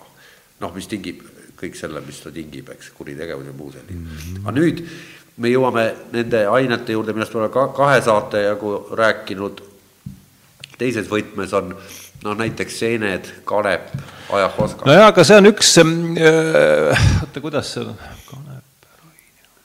kui me nüüd räägime psühhotroopsetest ainetest, siis on siin põhjust rääkida kolmest suurest ja kolmest väiksest. ja kolm suurt on siis kofeiin, nikotiin ja alkohol. ja kolm väikest on äh, heroiin, kokaiin ja kanep.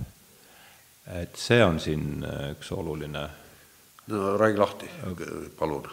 no Suur selles, väike selles terminid. mõttes, et ähm, kui me räägime noh, tarbijate, tarbijate äh, mahust ja, ja seal ka liiku-, liikuvatest rahadest, eks, et et alkohol on täpselt samamoodi psühhotroopne No muidugi. psühhotroopne aine, samamoodi on nikotiin äh, psühhotroopne aine.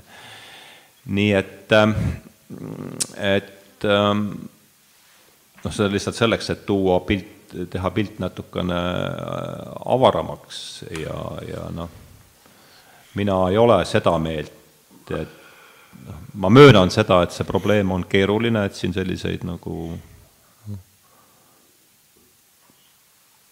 kampaania korras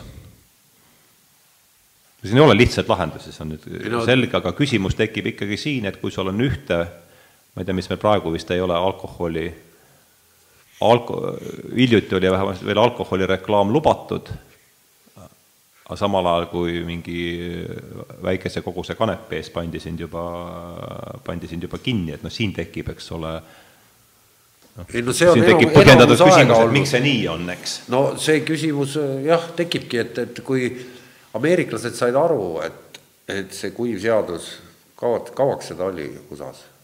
on sul meeles, kahekümnendate Ma ei mäleta, jah. kolmekümnendate alguses lõppes ära. ikka oli mingi, ega ta vist üle kümne aasta ei olnud või? ütleme kümmekond. Nii, ja selle ajaga oli selge, et noh, sellel on tra-, noh, julmad tagajärjed on need igas mõttes, majanduslikkus ja kuritegevuslikkus ja mille, noh, et mitte midagi see ei lahendanud, sest et joomakohad olid lihtsalt, muutusid bravuurikamaks, et kus koos käidi, mis olid suhteliselt ju avalikud.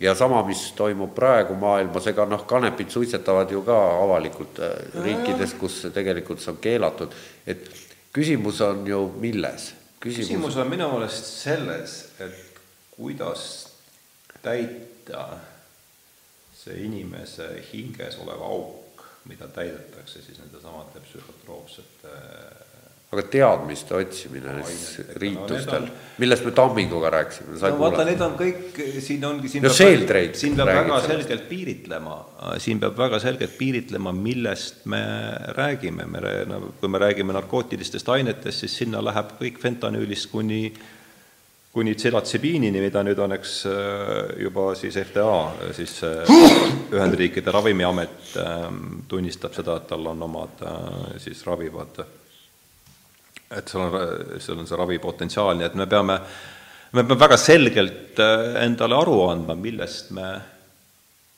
äh, millest me räägime, sest see on niisugune katusmõiste, kuhu noh, ulatub kuule, sinna ma küsiks vahel, kas tubakal on tuvastatud ravimipotentsiaal? no et ta, et ta, ta on praegusel kujul selgelt on tal, on tal tervist, eks äh, ma arvan, siin äh, kui siin üldse milleski saab, milleski saab äh, konsensusele jõuda, siis vast see, et, et noh, see praegusel kulul me, see vorm, milles meie tubakat tarbime, seal on selgelt tervist lõhkuv. nojah, et, et küsimus ahelsuitsetamine, aga et noh, vaevalt seal on nüüd ähm, keelatud on ju need, mida ei, ei lubata isegi uurida, kuna neil puudub väidetavalt siis. nojah, aga see on nüüd jälle see, et siin peaks siis, siin oleks kasulik lugeda sedasama McAllisteri raamatut või siis seda, kui aega pole, seda minu referaati temast, et kuidas need ained sellesse, sellesse nimekirja sattus, et seal ei ole, siin ei ole pistmist mingi sel-, et siin ei ole olnud mingid sellised valges kitlis äh, mehed taga, kes on teinud väga põhjalikke äh, uuringuid äh, selle kohta, et mis on ühe või teise mõju, aine mõju rahva tervisele, et nad on pigem ikkagi käinud sellise veel kord diplomaatilise kauplemise tagajärjel on need okay, ained sinna. kui.... oota, aga ma mõtlen, kus meil see eelmine, kus see nüüd see jutt mingi, okei okay,, oota, vahet tuleb, tuleb tagasi ehk mis? ei midagi, et ma siin läksin jalaga vastu kaamerat, ma ei tea, palju see mõjus nüüd või? korraks. aa, okei okay,. no pole hullu. et. mis sa, mis sa küsisid? ei, sa rääkisid ja. ma mäletan, kuhu, kus, kus see meil läks? ei, minul, minul oli lihtsalt see küsimus, et vabandust, mul on nina kinni, et ma pisut nohunen. et, siis ma lurisen siin, et, et et tänapäeval on ju noh, kui me netist ju näeme ja kuuleme ja maailm on hästi su väikseks vist suureks läinud, ma ei tea, kumba pidi õigem on öelda, et väga paljud teadusinimesed noh, täiesti avalikult räägivad noh, kuidas nad teevad ah,. põhiprobleem eh, nende ainetega, jah, ma arvan, et kui Sheldrake tuli jutuks, siis tead, üks ilus lause, mis ma siin hiljuti kuskilt kuulsin, et nüüd, kus religioon on lakanud olemast masside oopium, nagu Marx ütles, on opiaatidest saanud masside oopium.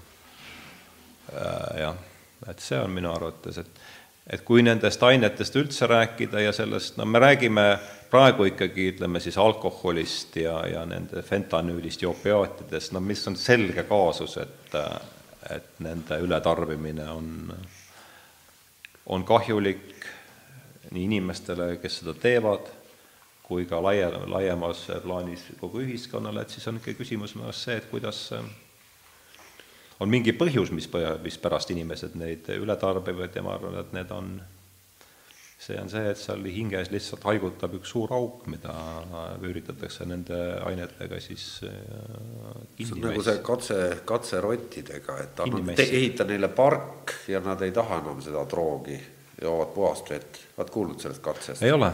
et tehti niisugune katse, nimed ja aastaarvud jätan nüüd vahele, ei mäleta, aga et rotid olid tühjas kuubikus ja siis oli ühes oli puha, anumas puhas vesi, teises ma ei mäleta kokaiini või millegagi segatud vesi.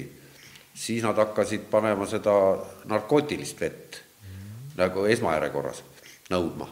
ja kui neile ehitati niisugune lõbustuspark, kus nad said sotsiaalselt omavahel suhelda, neid oli rohkem, kus olid väga loogiliselt, jah. rattad, kus peal sõita sai ja, ja, ja ühesõnaga oli tegevust palju jah, aga noh, ütleme kas või alkoholi puhul, et, et kas või alkoholi puhul on ikkagi see, et miks inimesed ju, see on see enda arstimine lihtsalt dep-, ta on paljudel, alg-, algab ju pihta sellise depressiooni ravimiga suuresti, eks, enda, enda jaoks. no näeme režissöör ka meiega nõustub seal, eks.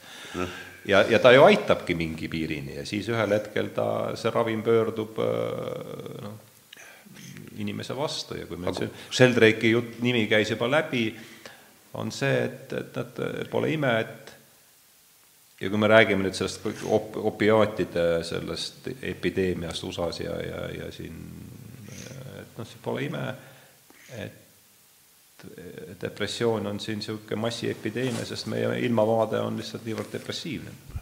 et me jõuame jällegi siin fundamentaalsete oletusteni. Selle kohta, mida elu endast kujutab ja mida maailm endast kujutab. Ja ma arvan, et see on, et seesama prometeuslik miks seda Prometheust tahad sisse, selle söödi maksa kogu aeg, see oli kinni aheldatud sa oled nat-, natukene podcast sai maksa halvasti aheldatud Prometheus tuleb meelde. jaa, et noh, see on see mina pean selle, kui ma räägin prometeuslikust ellusuhtumisest, seda Volter, mis ta kuramuse nimi oligi? Volter, Volter, ei olnud, oota kohe, Schubart, Schubart ja tema ja. tähenduses ja et siis see on see, et kahejalgne ähm, hüplik vennike, keda me tunneme inimesena, võib siis teaduse abil vahendada oma ennast praegu siis praegu siis on kuule, aga tahaks mina tõsta tahaks..., tõsta ennast juukseid pidi soost välja. aga hakkame, hakkame, kuidas, on sul isiklik seisukoht tea-, teadlaste suhtes nagu, mis puudutab sedalaadi asjade ajamisi, et et oled sa väidelnud teadusinimestega? mis teemal? no samad taju laiendavad substantsid, kuidas siis seda teaduskeeles ütled no need on nüüd üks osa nendest, äh, sellest laiast, et noh, veel kord, siin on väga oluline äh, alati rääkida mil-, või selgeks teha, millest me täpselt räägime, vastasel juhul võib sellest olla, sellest rääkimisest rohkem äh, jah, no ma üritangi praegu, kasu et... jah, et et no tuleme sellesama Jaanus Harro siis äh, kolmese kolmes, ma arvan, et sellest kolme sahtli definitsioonist tasub pihta hakata, et ühed on tähe-, muuseas, Tähenduse teejuhtides on, ma teen oma saate, oma saatele siin ka ühtlasi reklaami. ei, see on väga, ütle number ka siis. ma ei mäleta numbrit, ma näitan, ma näitan, aga ma Näita saan, ma saan ju näidata, jah, just, et et seda teemat me vaatasime koos äh, Anna Luige ja Hel-, ära veel, ma ütlen, kui ähm, kui meil oli Elle Kaasik ja Anna Luik ja siis me rääkisime põhjalikumalt nüüd nendest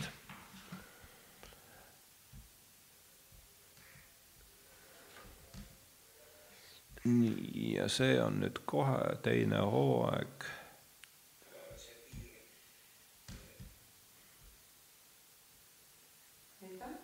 kohe, kohe, kohe. legend sambast, noh, ahah, Hiie Boing number kolmkümmend neli. keera oma mikker ka sinna siis, kui sa tahad, et samas on lõpp iga inimese enda vastutus, mida tema ema suus sisse, et see on nagu ka, et, et see on pöök.ee siis läheb, jah? ei, see on Youtube'ist. igaüks ise teab, mis ta teeb ja mis riskid ta võtab, tehakse langevarjuhüppeid ja mida iganes, et ega iga siin ütles Anna Luik väga ilusti, et, et noh, me kogu selle äh, noh, kogu ka selle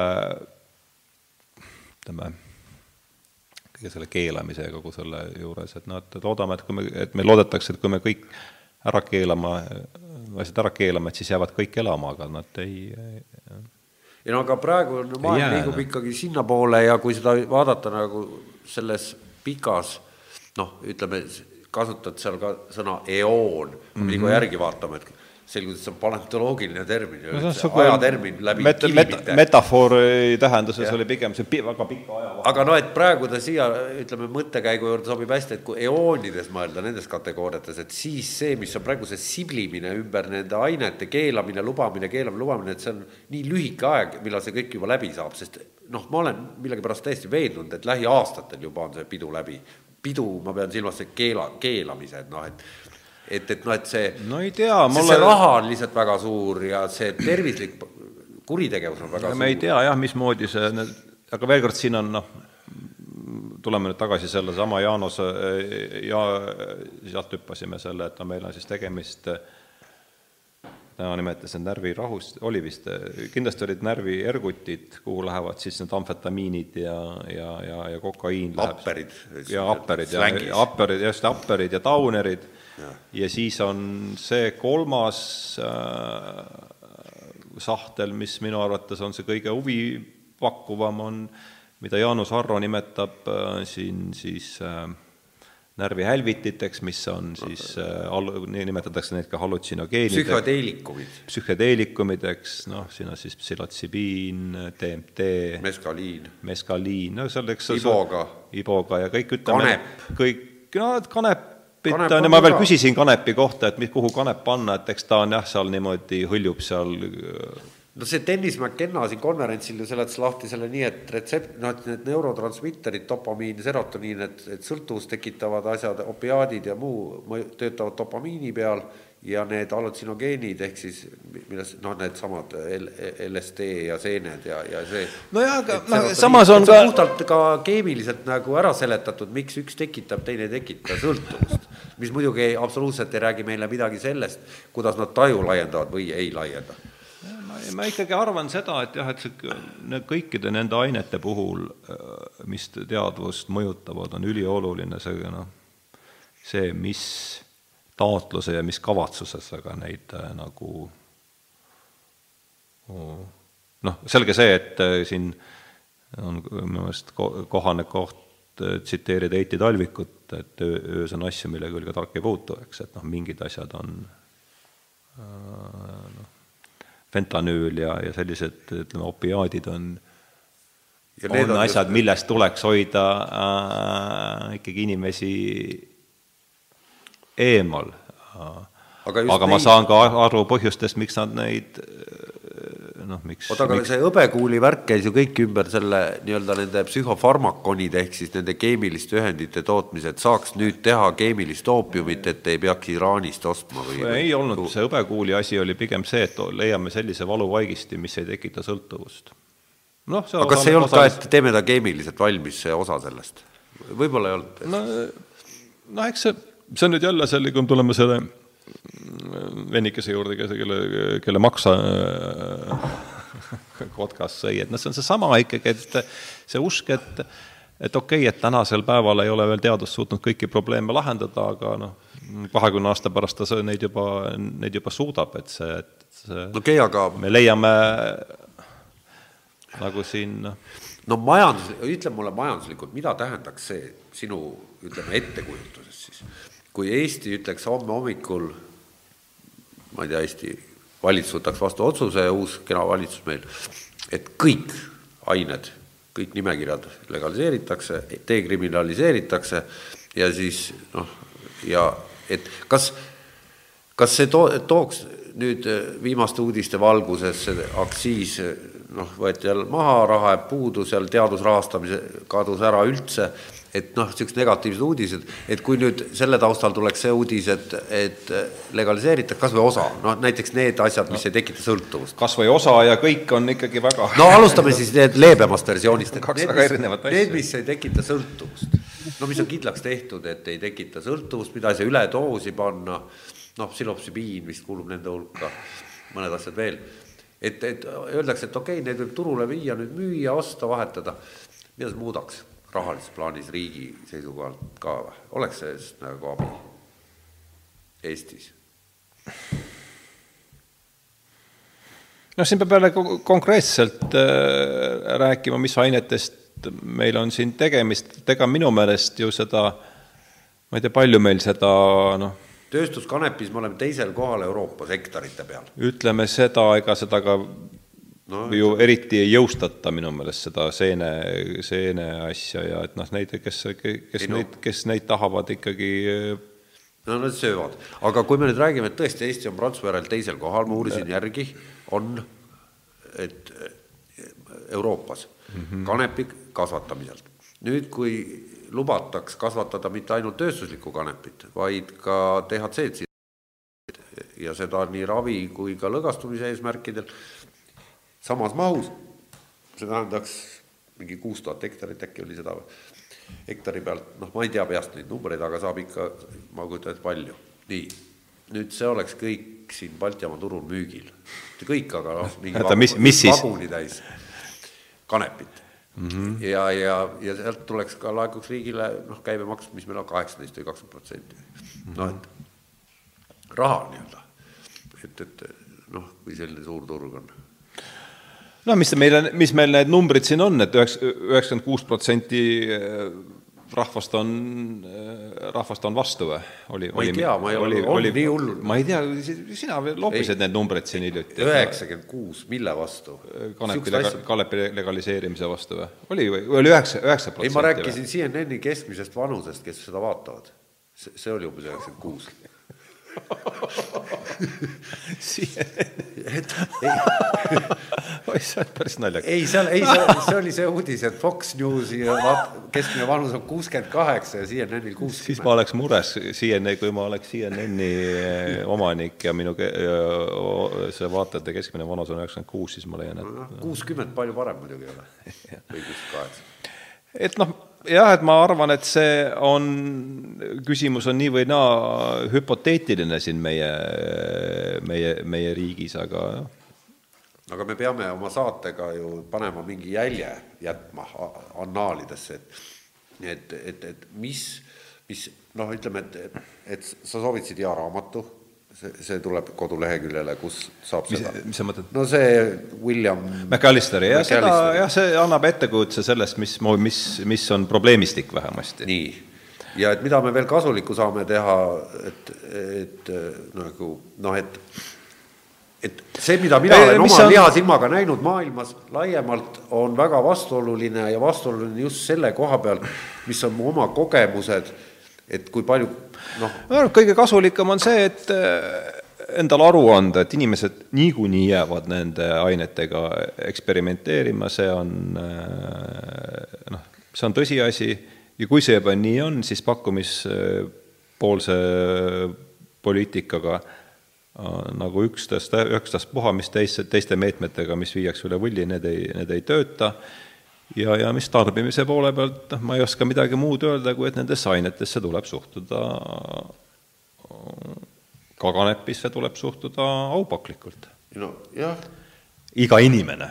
ja, ja, ja siis, kui ta seda teeb, siis ma leian, ja ta peab meeles neid Heiti Talviku luuleridu, et öös on asju, millega ülika tark ei puutu, ja, ja suhtub nendesse teistesse ainetesse neile aupaklikkusega, mida need ained kahtlemata väärivad, siis ma arvan, et neist võib olla,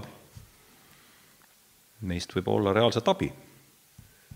nojah, sest et et äh, noh, see on ikkagi päris mina arvan, ma olen selles küll veend- ja et noh, et äh, kugistada äh,, kugistada kolmkümmend aastat antidepressante ja muutuda emasteks. ei ole muuta nagu, kalad emasteks. ei ole nagu saates. see noh, et sellel tõenäoliselt on paremaid, on, on tõenäoliselt paremaid äh, ei no võtame ajalooliselt on ju ikkagi noh, kõik ju tänapäeval saavad ise lugeda ja vaadelda neid noh, materjale, mis on faktipõhised, teaduspõhised, kui nii tahab keegi seda sõna, et et tsivilisatsioonid läbi aegade on söönud neid ja tarbinud erinevaid asju.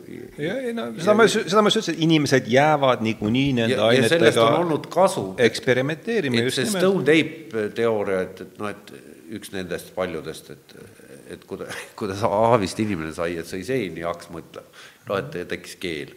ja, ja see Hancock on kirjutanud sellest terve paksu raamatu ja et, et, et mis ma tahan öelda, on see, et kui vaadata ajalukku, siis kõik, mis sealt vastu vaatab, tsenseerimata ega ideologiseerimata, siis materjalid on positiivses valguses, näitavad neid taimi ja, ja siis need nüüd need ideologiseeritud poli-, mis iganes vaatenurgad siis reeglina kipuvad näitama teises valguses. nojah, aga see on, eks see on seesama asi, et need osad need ained tekitavad sõltuvust ja kui nad tekitavad sõltuvust no kurat, viin on ju müügil, et, et me ju noh, sellest on nii palju räägitud, et kes see inimene on ja kus ta on, kes sellest aru ei saa. et mis see, noh, kui Ameerikas see kuivseadus ära lõpetati, selle oli põhjuseks mm. -hmm. põhjus oli kaks põhi, üks oli maffia ja maksud ja, ja, ja, ja, ja mis see teine oli, polnudki vist oligi, üks oli maffia, teine oli maksud. et ja pandi niivõrd surmav asi müüki tagasi, mis oli juba ära korjatud müügilt.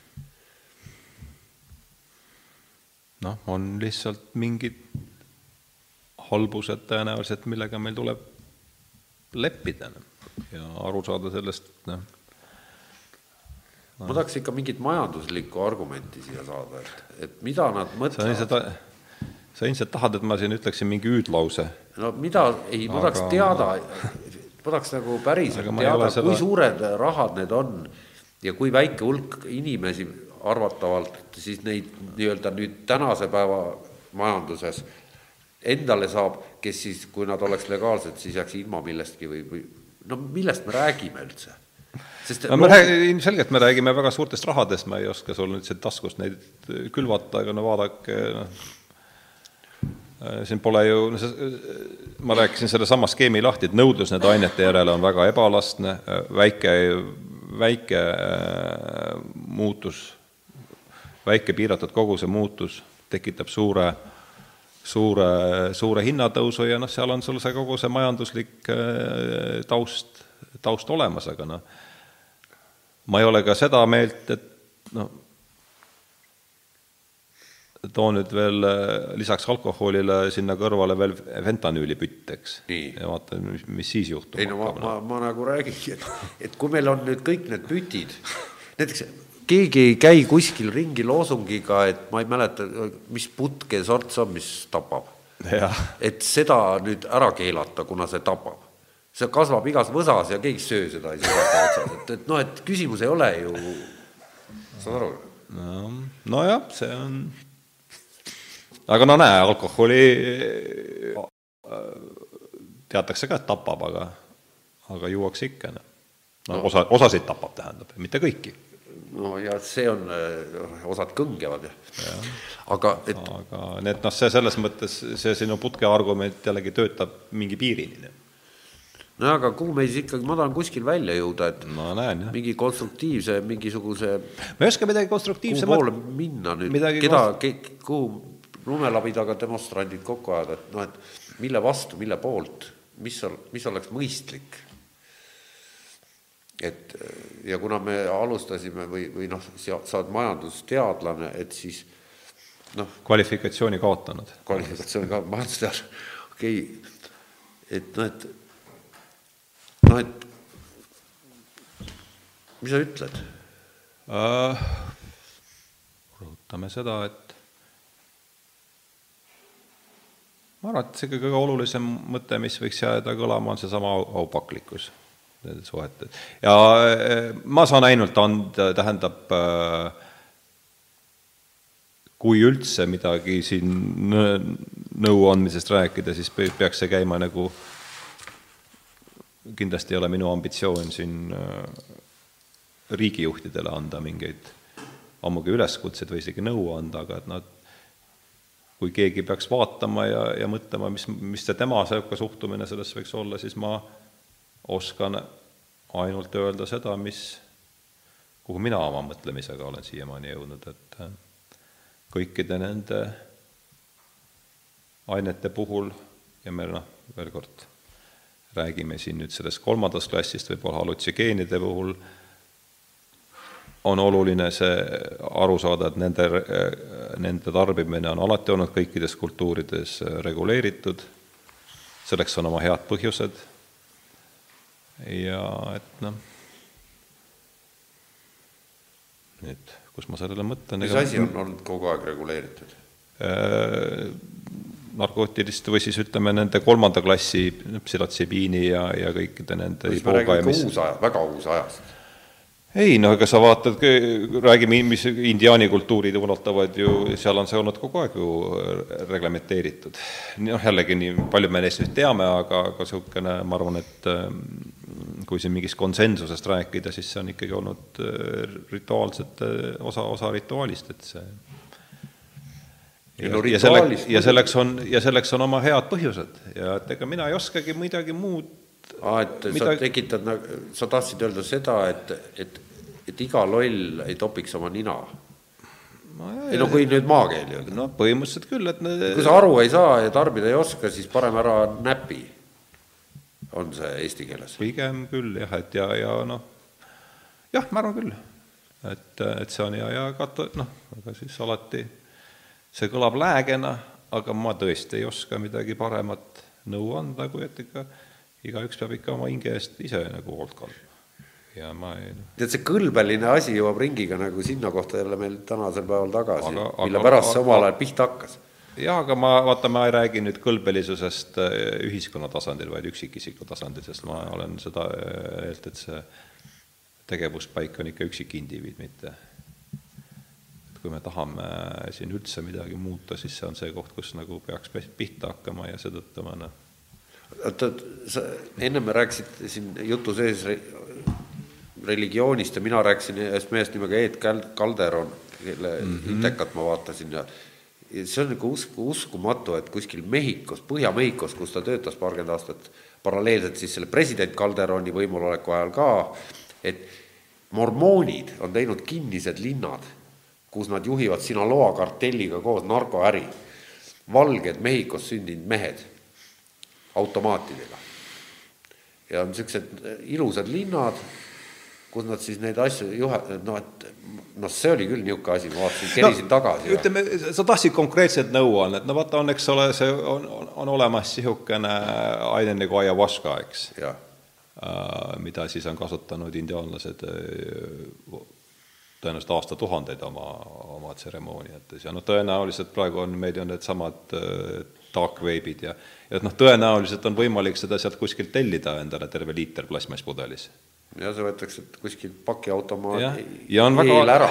ja, ja on väga halb mõte see endale niimoodi noh, sisse kulistada kodus see ongi halb mõte ja see tellimine juba on halb mõte. aga, aga, aga see ei tööta ka nii. jah, noh tõenäoliselt on seda võimalik, on seda võimalik tellida ja, ja see niimoodi seal omaette enne niimoodi kuhugi keskealistele tantsuõhtule minekut muide, Tamminguga meil oli sellest juttu, tarbimisest, et see on, tseremooniata. see on väga halb mõte, aga see ei tööta. aga noh, see, see kemikaal on seal olemas, see mingil muul su aga, aga noh, jällegi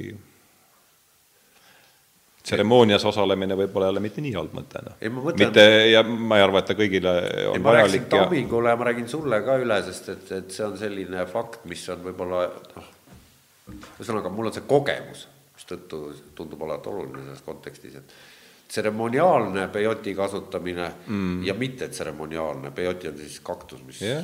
Põhja-Ameerika indiaan, ja see vahe,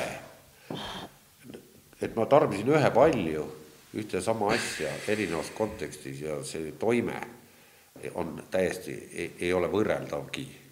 mitte isegi noh, et ei ole sama, et noh, peaaegu sama või ta on täiesti teises kohas, täiesti teine asi. nojah, vot need ained ongi see, et mis tõenäoliselt ka, miks nendesse suhtutakse, miks osa establishment'ist on nende vastu, on see, et nad seavad küsimuse alla selle noh, dogma, mille peal me sõidame.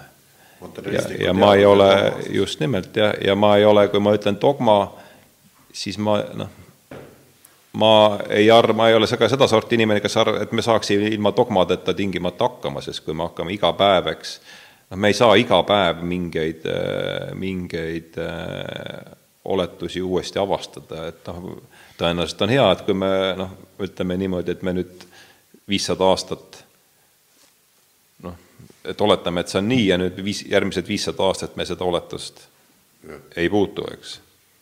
no nüüd on maailm, areneb kiiremini, võib-olla viissada aastat ei ole enam see, aga noh, see on sisu, la, laias laastus mm, on ju see, kuidas meil need asjad siin praegu on, et et eks need meil ei ole enam need ained, need ained äh, noh, panevad, see... panevad ähm, panevad selle ütleme siis niimoodi, et seavad teatud alus, alusoletused äh, küsimuse alla. Ja ja ma arvan, et osa seal nende vastuseisust on, on, äh, tuleb, tuleb, tuleb sealt. Ja mul on, sellest on, sellest äh, on ka võimalik aru saada. Muide, need Psycherence'i neli loengut on nüüd psycherents.ee kodulehel üleval koos tõlkega peaks olema, see on siis psycherents.ee ja seal on siis mis see Luna eesnimi, Kar-, äh, Eduardo Eduardo. Luis Eduardo. jah, Luna, Dennis McKenna, Susan Blackmore ja Jeremy Narby, Narby et neli maailmakuulsat jaa, seda soovid, kellel on nüüd äh, tahtmine ennast selles vallas harida, siis ma arvan, see on väga hea. sest see oli ikka äge konverents. see on väga hea sissejuhatus, jah, ja et äh, ja mis veel on üldse, noh, see no see sama meie sari see..., raamatusari, seal on nagu Hoffmanni LSD My Problem Child ära tõlgitud. noh, siin ei saa, ma tahan öelda seda, et on teadlasi, kes on kirjutanud raamatuid materialistliku paradigma siis teadlasi selles mõttes, no Hoffmann vaieldamatult oli keemik, noh, numbrid ja, ja keemia, eks, kes sünteesis LSD ja, ja, ja ka psühhopsübiini, eks. et, et, et, et nüüd neid, neid raamatuid siis avaldab see sari siis transpersonaalse ja, ja noh, Tamming oli ka selle, selle Psycherentsi korraldamise taga, nii et äh, aga mis meil, mis meil veel kättesaadavat eesti keeles üleüldse on? Noh, ma arvan, et jah, et kellel sedasorti asjade vastu huvi on, siis see Alari raamatusari on ilmselt kõige parem. jah, ja siis on mingid ravikanep.ee mingid niisugused saidid on neid, mis ma olen nagu niimoodi vilksamisi näinud ja et, et, et Eestis üldiselt noh, on ka just see informatsioon on tähtis, et see liigub, et küsimus ei ole mingis propaganda tegemises millegile, et, et noh, see kaugeltki mitte ei ole nii praegu. see, miks me seda räägime siin et äh, et küsimus on lihtsalt selles, et no küsimus on selles, et kas, kas, kas meie peas äh, pöörlevad keemilised hammasrattad, mida saab siis, eks ole, niimoodi äh, teatud sekkumistega ühte või teise su suunda nihutada, see on ju see sisuliselt, mida Ant antidepressandid üritavad meiega teha. kusjuures antidepressandid teevad seda, et nad või on siis, või on see ikkagi midagi no mina näen ikka seda, et ta avab uksi. antidepressandid ei tee seda ja ei tee ka viin ja ei tee ka kofeiin ja ei tee ka sigaretid, ühesõnaga nad ei sekku valitseva korra ütleme, niisugustesse noh, noh, ma tuleksin ikkagi selle juurde, et see kõige Nad ei soodusta mõtlemist. tähtis on täita ära see auk oma hinges, mida noh, tegelikult ju meie selles äh, mat-, teadusliku materjalismi paradigmas puudub üldse selline mõiste nagu kus meil nagu, praegu nagu hing? kas hing, see käib metafüüsika alla siis või? metafüüsika ei ole teaduses üldse aktsepteeritav osa või? No meil on, noh, see on nüüd juba täitsa omaette teema, mis on selle moodsa või teadusliku materjalismi alus, metafüüsika, see on, metafüüsika räägib sellest, eks, et mis on see viimne, viimne reaalsus ja meie olemasolev maailmapildis ütleb seda, et see on liikuv, liikuv mateeria. Nii et siis Dawkins on ikka kõvem mees kui Sheldrake selles Oota. koolis, keskkoolis. Äh, no selles mõttes No jah, tema maailmapilt noh., tema maailmapilt on jah, selles mõttes ikkagi jah, ütleme No kõvem mees, no mis tähendab kõvem ei no mees ta on läbi ja lõhki ateist ja materjalist, et noh, et No põhimõtteliselt jah, tema- ja, ja su-, sihti pole, universum muudkui paisub ja teadvus on äh, see, mis, see, mis tekib siis äh, peas pöörlevate keemiliste hammasrataste pöörlemise tagajärjel. mitte aju ei ole vastuvõtja, vaid toodab ise teadvust. Mitte teadvus ei tooda reaalsust, nagu väidavad op- oponendid. noh, see äh, põhimõtteliselt on edasiarendus äh, ju Descartesi sellest äh, ja noh,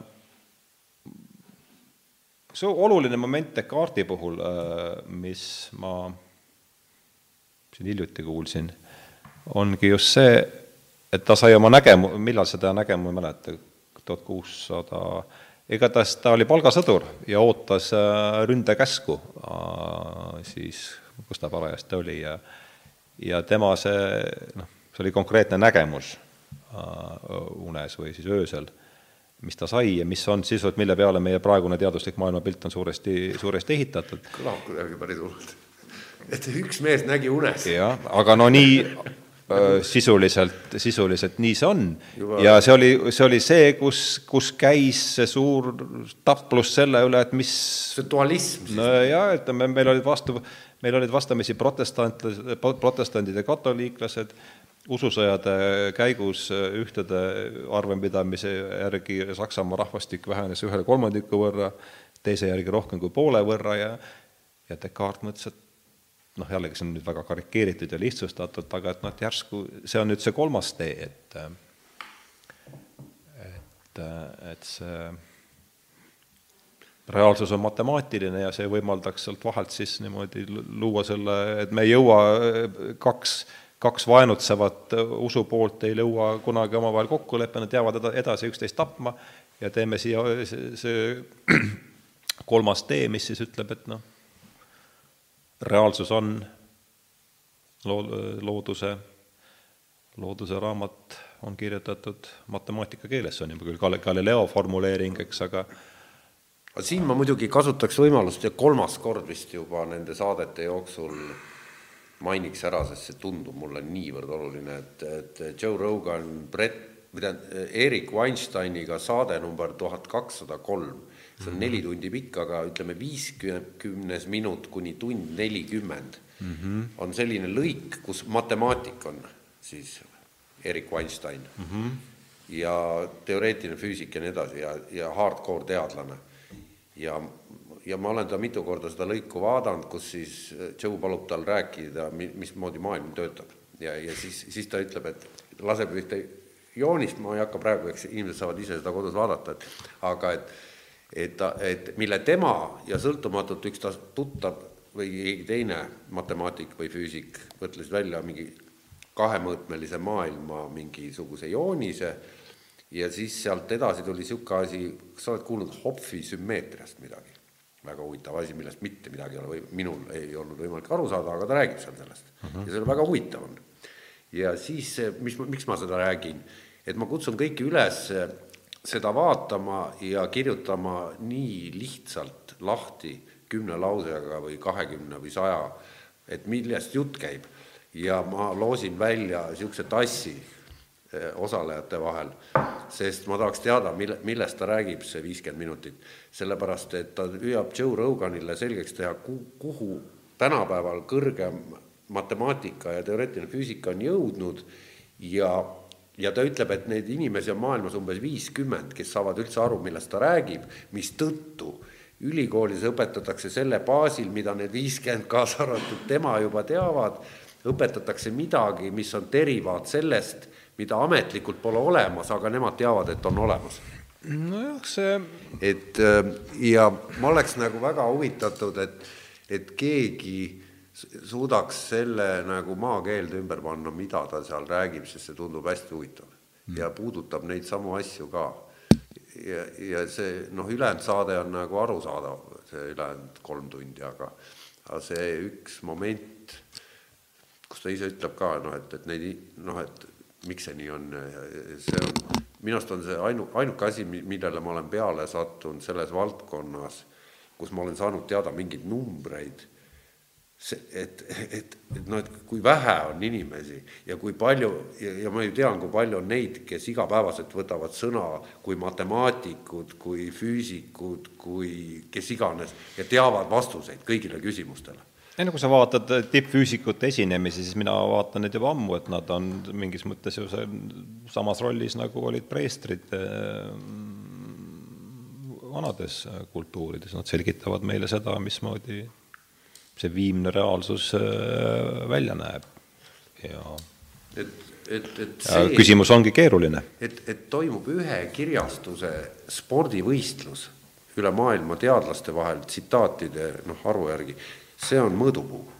mitte see, et saan midagi uut teada, et, et olen targem mingis no, valdkonnas, leiutan mingi asja, vaid see, et mul on, mind tsiteeritakse rohkem kui kui teist. kuidagi sa pead sellele midagi mõõtma ja seda, ja iga, ja iga mõõdik muutub, noh, sellest me rääkisime, ükskõik mida meiesugused kahe jalaga hüplikud olevused ette võtavad ja selle hakkavad suure kirglikkusega seda tegema, siis see muutub peaaegu absurdiks, no nii me tundub. aga kirglikkust ei ole, et kõik on nüüd raha, et see ühe kirjastuse nimi no. on mingi Thomas and Richardson või mingi niisugune nimi oli tal, ma võin nüüd puusse panna, midagi sarnast ja see on monopoolne sisuliselt ja nad müüvad seda datat ajakirjadele. olen praegu kaotanud ja väga suure raha eest.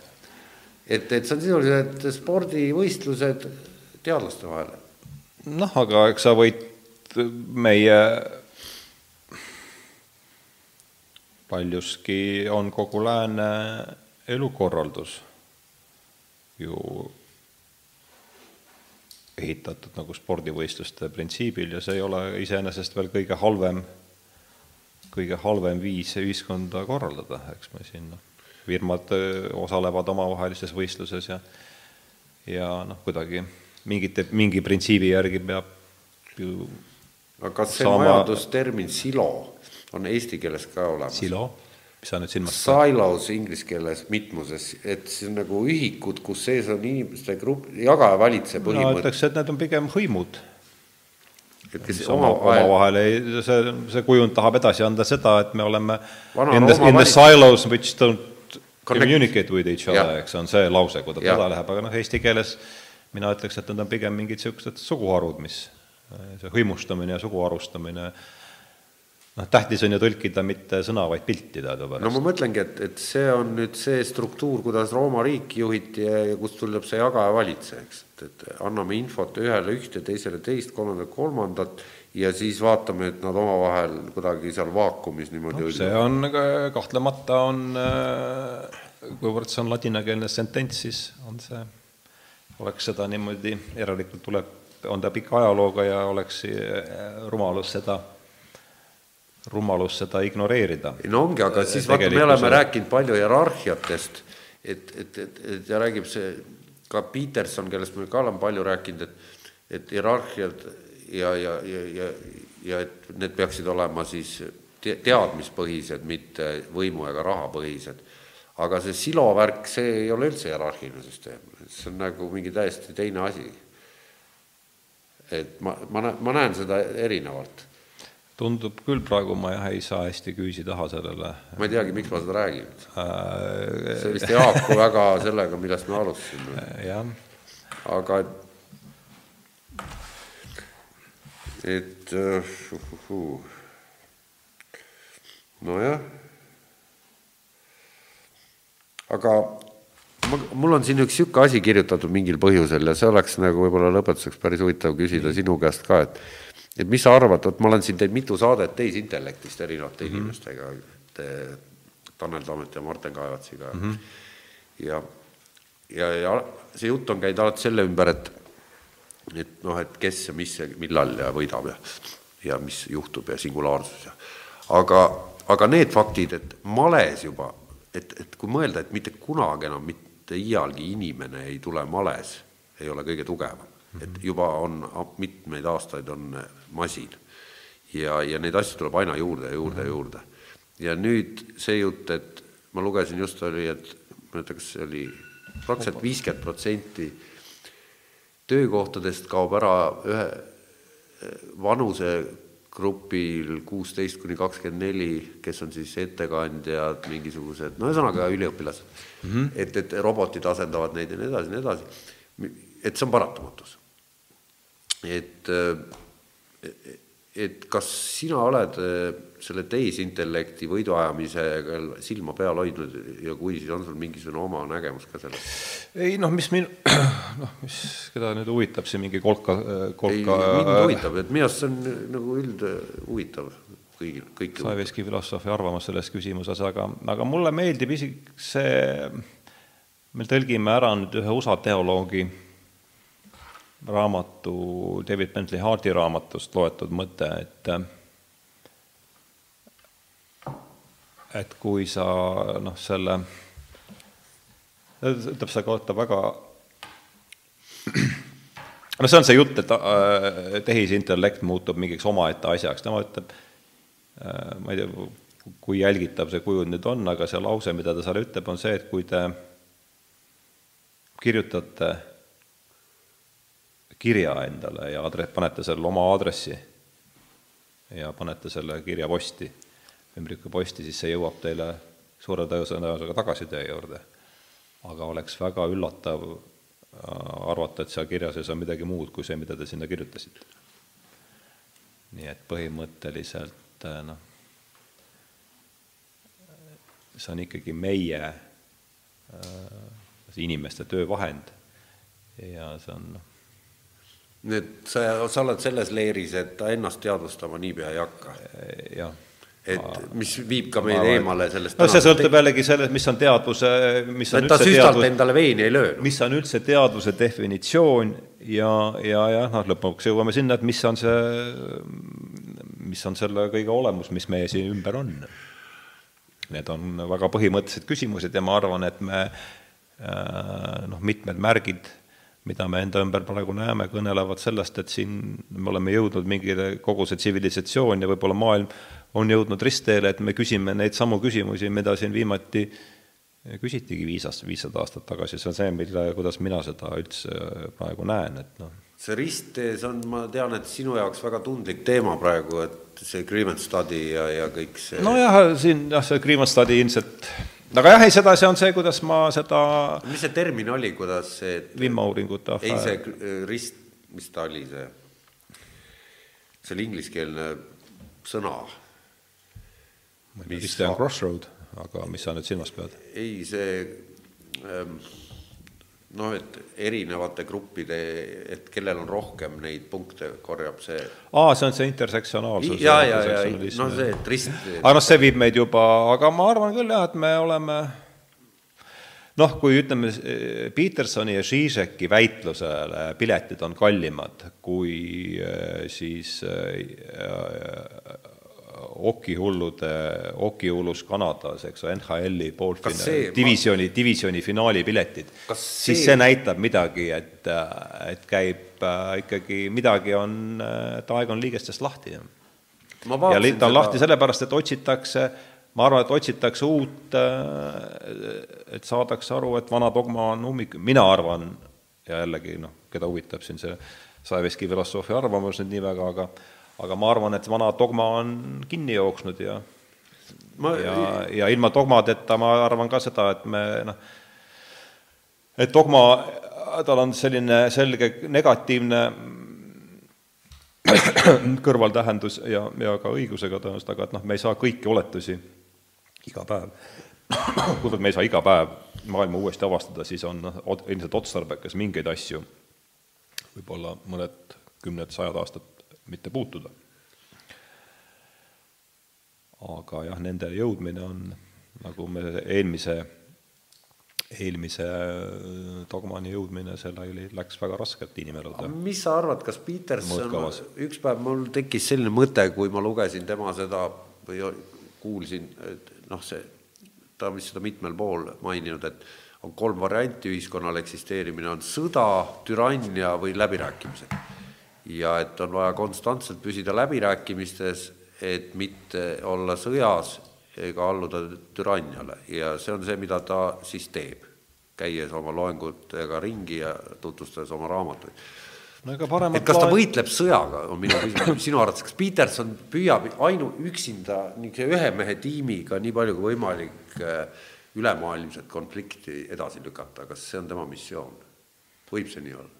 Või ma mõtlen no ma arvan, et ta annab aru äh, olukorra tõsidusest jah, ja püüab äh, ja, ja noh, eks me ju siin kõik, kes me siin natukene noh, aga meie siin isegi kahekesi ka patrame selle pärast, et äh, loodame, et sellel on mingigi mõju, et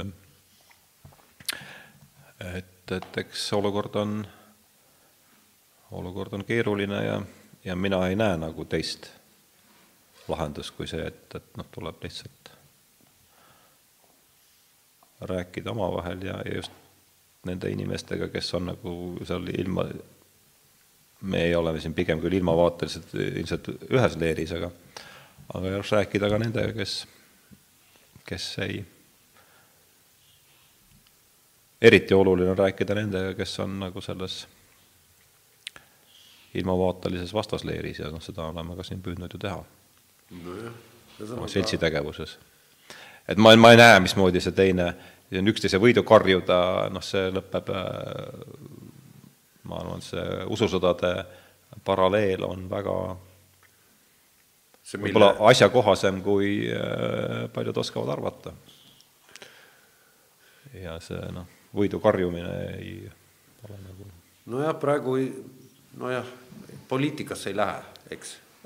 no meil pole seda aegagi vist enam. Meil Ja me- kiiret ka ei ole, aga põhimõtteliselt ega ei läheks ka vist.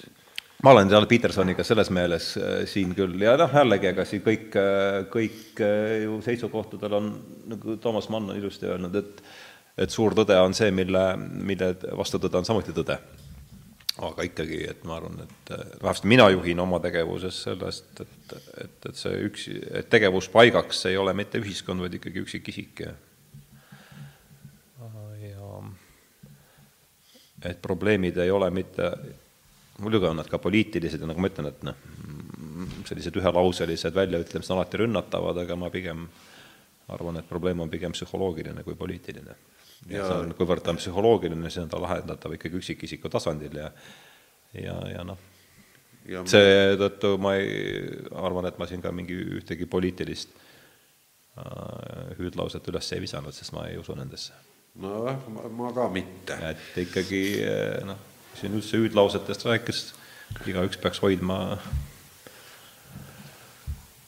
hoidma oma hinge eest hoolt kandma ja, ja loota, et ülejäänud teevad ära, teeb ära miski muu. no ma küsin siis saate lõpuks küsimuse, mis ma olen küsinud väga paljudelt saatekülalistelt, et kas sa, mis sa arvad, kas universum on hingestatud ja sihipärane? no ma ta-, ma tahan üha rohkem niimoodi uskuda ja see on äh, väga Petersonlik vastus, et I act like God exists. üks ilus mõte võib-olla, millega lõpetada, kuulsin seda Lembit Petersoni käest, käisin tema intervjuu, usutlas teda Mikal Reichelgaud siin mõned nädalad tagasi ja ja ütles seda, et äh, kuidas see umbes oli seal, et äh, et noh, et inimesed, noh, see ke- kehti, ei kehti ka ammugi kõigi kohta, aga et et osad inimesed otsivad, või et me otsime Jumalat, aga et samal ajal otsib Jumal meid ja me peame aru saama sellest, mis keeles ta meiega kõneleb.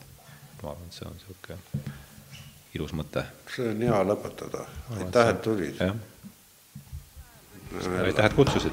Lähme jälle. Läheme jälle. Don't think long, just spread your arms and jump down. Soon you feel the wind is flying near.